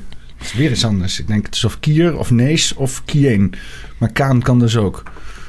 Ik durf het niet te zeggen, maar ik denk Sri Lankaan. Dat Sri Lankaan. Maar, um, ik vind Sri Lankaan hier ook wel leuk. ja, maar uh, ben je, wat, welke van de drie zou jij jezelf omschrijven? Nou, ik zal nummer vier meer zeggen. En dat is, ik ben een kind van God. Dat oh, ben ik okay. allereerst. En daarna ben ik gewoon uh, een Nederlander. Want ik ben al bijna mijn hele leven hier in Nederland. Ik was uh, als baby hier gekomen. maar ondanks dat, in mijn hart draag ik altijd Sri Lanka mee. Ja. Ja, want uh, uh, waarom ik dat vraag is dat, dat uh, zo'n World Economic Forum... die propageert natuurlijk wereldburgerschap. Hè? Dus voorbij landsgrenzen denken en vooral als één planeet of bevolking zijn... of in ieder geval transnationale groeperingen en zo. En daar hoort zo'n kerk eigenlijk ook wel bij. Want wat jij zegt, zeg maar, dat je dan naar elk land kan gaan... of naar bepaalde landen kan gaan en daar gewoon een soort van familie kan vinden onder jou eh, kerkgenootschap. Um, dat heeft natuurlijk ook wel een beetje van die wereldburger aspecten. Ja, dat komt weer omdat onze kerk natuurlijk uh, werelds heel groot is. Uh, wat je al aangaf in Utah. Uh, in Amerika is het natuurlijk heel erg groot. het grootste aantal leden. maar het verspreidt gewoon over de hele wereld heen. Dus dat is eigenlijk de reden. Als een virus. nou, ik hoop het. Dan zou er tenminste wat meer liefde en verbondenheid komen. Ehm, ja, ik zou het niet willen vergelijken met de plannen van de WEF, uh, onze kerk. Het sluit er wel op aan, denk ik. oh ja. Wat vind je daarvan? ik denk dat ze ons dadelijk uh, alleen maar willen vernietigen. Ja. Ja, denk je, denk je echt dat, uh, dat ze bij de WEF ons willen vernietigen? Ja, ze hebben niks met het evangelie. Van niet als het gericht is op uh, Jezus Christus, op God. Maar uh, als kerk zijnde, zeg je dan, bedoel je? Of echt als mens zijnde? Uh, nou ja, misschien loop ik ook wel gevaar, geen idee. Uh, ik ben niet iemand die op mijn mondje is gevallen als het aankomt op het evangelie. Dus uh, als iemand aan mij vraagt of dat ik gelovig ben, dan zeg ik gewoon ja. En ja, als dat mensen zijn die dat liever niet willen hebben, omdat ze inderdaad liever de plannen van de WEF steunen Um, of ze zijn daar een onderdeel van. Ja, daar loop ik misschien wel gevaar erin, maar ja, zo be het dan maar. zijn er mensen in de kerk die het plannen van de WEF steunen? Ja, ja. En zo zie je ook dat iedereen uh, ja, op zijn eigen manier het evangelie beleeft. Er zijn ook verschillende niveaus van geloof hebben. De een gaat naar de kerk omdat hij denkt, nou, dan heb ik het weer gedaan, check, vinkje. En de ander gaat er echt met volle intentie heen uh, om iets goeds te doen, om iets te leren, om te veranderen, om beter te worden. Um, er zijn ook mensen die inderdaad zeggen: ik krijg bepaalde inspiratie binnen, die volg ik op. Maar enkel alleen de inspiratie uh, waar ik zin in heb, zeg maar, die mij, die mij eigenlijk in mijn straatje passen. Maar als de Heer iets vraagt aan mij wat ik eigenlijk niet wil doen, en dat is bij mij met die toespraak, ja, dag, dan ga ik dat niet doen. Nou, dat is een andere toewijding die je hebt dan iemand die zegt: Oké, ik doe ook die dingen die ik moeilijk vind. Of die ik eigenlijk liever niet wil doen. Want ik begrijp dat ik ja, soms niet alles kan zien. Maar dat er iemand is die heel erg van me houdt. En die mij eigenlijk door dit te vragen bepaalde dingen afleert en bepaalde dingen aanleert die ik blijkbaar moet leren. Hm. Daar moet ik iets mee. Ja. Even kijken of een mooie zonsondergang. Misschien kan ik die er nog oh. even bij betrekken. Ja. Ik weet niet of het te veel licht is. Normaal is het veel te veel licht. Oh jee, was dat je bel? Ja, levensgevaarlijk. Oh, nog voeten? Oh, je bent... Is dat te laat? Of niet? Of heb je nog net... Nee, dat kan wel. Ja, normaal is het, is het op camera eigenlijk iets te licht. Oh. Nou, dit gaat op zich wel, maar je zit niet echt... Ja, en daar... Ja, want uh, dan moet ik eigenlijk heel even deze iets, iets, uh, iets lager zetten. Achtergrondfiets. Wat leuk. Zo. Je ziet een beetje. Ja, het, het is altijd lastig om uh, tegen Die daglicht bel in te staat eigenlijk gewoon in de weg. Ja, die bel, nee, die staat er perfect zo. ja, nog een beetje. Je ziet de zonsondergang net in. Jij kan hem net niet zien. Nee, ik kan is niet jammer. zien. Dat is wel, eh, Oh, Oké, als jij maar wel kan zien. ja, dan doen we hem gewoon rustig afronden. Dan kunnen we misschien nog een stukje zonsondergang zien. Ja, Ehm, ja, het zit alweer twee uur, twee uur te lullen zo hier, hè? ja dat gaat snel. Ja. Ehm, even kijken. Eh, eh, eh, evangelie. eh, Ayurveda. Sri Lanka. En je nog iets... ja, anti-wef. ja, Anti-wef. vooral dat. Eh, heb je nog eh, iets, iets te melden voor de mensen, voor de luisteraars? Iets wat je van je hart af wil? Hoe, hoe is het trouwens nu, want dat wou ik nog wel even vragen. Hoe is het nou met de gelederen, met jou in de kerk? Is het allemaal al, eh, zijn de gemoederen iets gedaald? Of eh, heb je nog steeds boze blikken van mensen die eh, denken van... Nee, ik wil wel gewoon meer wef in mijn leven. Ja, dat vooral. Ja? ja, het is een mix. Ehm, ik probeer het gewoon een beetje naast me neer te leggen en door te gaan. Een paar mensen gehad die misschien naar je toe kwamen en zeiden van... Hé, hey, maar Oh, zeker wel. Ja.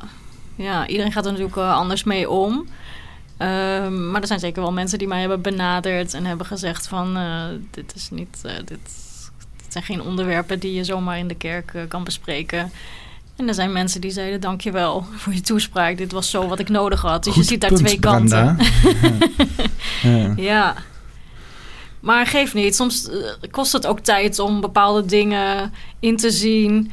Ehm, ja, ongetwijfeld zal er bij mij in mijn leven ook zijn geweest dat ik eh, meer tijd nodig had om eh, eh, iets te accepteren.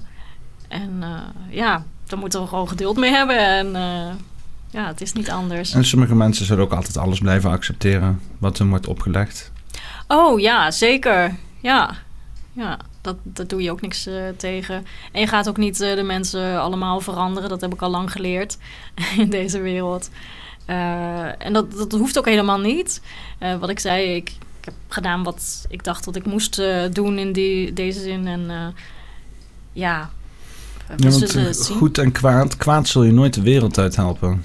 Nee, Je kan alleen kiezen aan welke kant van het spectrum je gaat staan, zeg maar. Zeker, ja. En ik denk zolang wij gewoon dat voorbeeld geven en ja, toch af en toe wel laten zien dat het ook anders kan, eh, dat het toch ook de mensen de ogen wel kan gaan openen. Hoe, hoe blijf jij goed? Ehm, ik kan heel slecht tegen onrechtvaardigheid. dus eh, ik probeer zo rechtvaardig mogelijk eh, te blijven. En ja, wederom komen die schriften dan weer naar voren om echt te kijken van... oké, hoe hebben mensen dat vroeger aangepakt? Eh, want in principe zijn de schriften gewoon dagboeken van mensen... die zo nederig waren om alles op te schrijven. Ook hun fouten en tekortkomingen. Zodat wij daar wat van kunnen leren als wij dat bestuderen. Dus bepaalde situaties die in jouw leven voorkomen, die kan je gewoon opzoeken in de schriften. En dan kan je gaan kijken, oké, als ik zo op die manier reageer, hm, werkt niet zo heel goed. Maar als ik dit doe, nou, dat kan misschien best wel eh, werken. Nou, dan ga je het gewoon uitproberen. En op die manier probeer ik mijn leven gewoon eh, in te richten. Ik kan heel ongeduldig zijn, dus daar ben ik echt wel mee bezig om eh, eh, af en toe eh, ja, wat vaker tot tien te tellen. Eh, maar het is een leerproces, zullen we maar zeggen gaat niet altijd eh, eenvoudig. Eh, maar ik weet wel dat ehm, ja, als je probeert gewoon oprecht te blijven eh, en liefdevol naar mensen, dat je wel veel bereikt. Ja. En misschien ga je die wereld niet veranderen. Maar ja, als je zelf daar een stuk gelukkiger van wordt, dan is dat natuurlijk ook al wat. En als je de wereld voor jezelf kan veranderen, dan Ja. verander je zover je jouw wereld is, zeg maar. eh. Precies, Ja. ja. Oké. Nou, eh, een traditie op deze podcast is om aan het einde gezamenlijk een titel te bedenken. Oh, echt? Ja, gaan we gewoon even hier zo doen, inderdaad. Zijn er eh, bepaalde woorden die jou te binnen schieten? Hmm. Ja. Iets met evangelie? Evangelie van het leven? ja, of het licht. Zoek naar het licht. Zoek naar het licht. Ja, zoek naar het licht in jezelf. Iets. Ah, ja, zoek naar het licht vind ik op zich wel... eh, dat eh, is nog wel een originele titel. Zou Ja. kunnen. Weet je ook weer van achternaam? Mijn Ja, achternaam? jouw achternaam? Oh, Van der Velden. Van der Velde. Oh ja. Nou, dan eh, ga ik gewoon de podcast afsluiten. dan eh, is dit eh poppenkast nummer 123. Zoek naar het licht.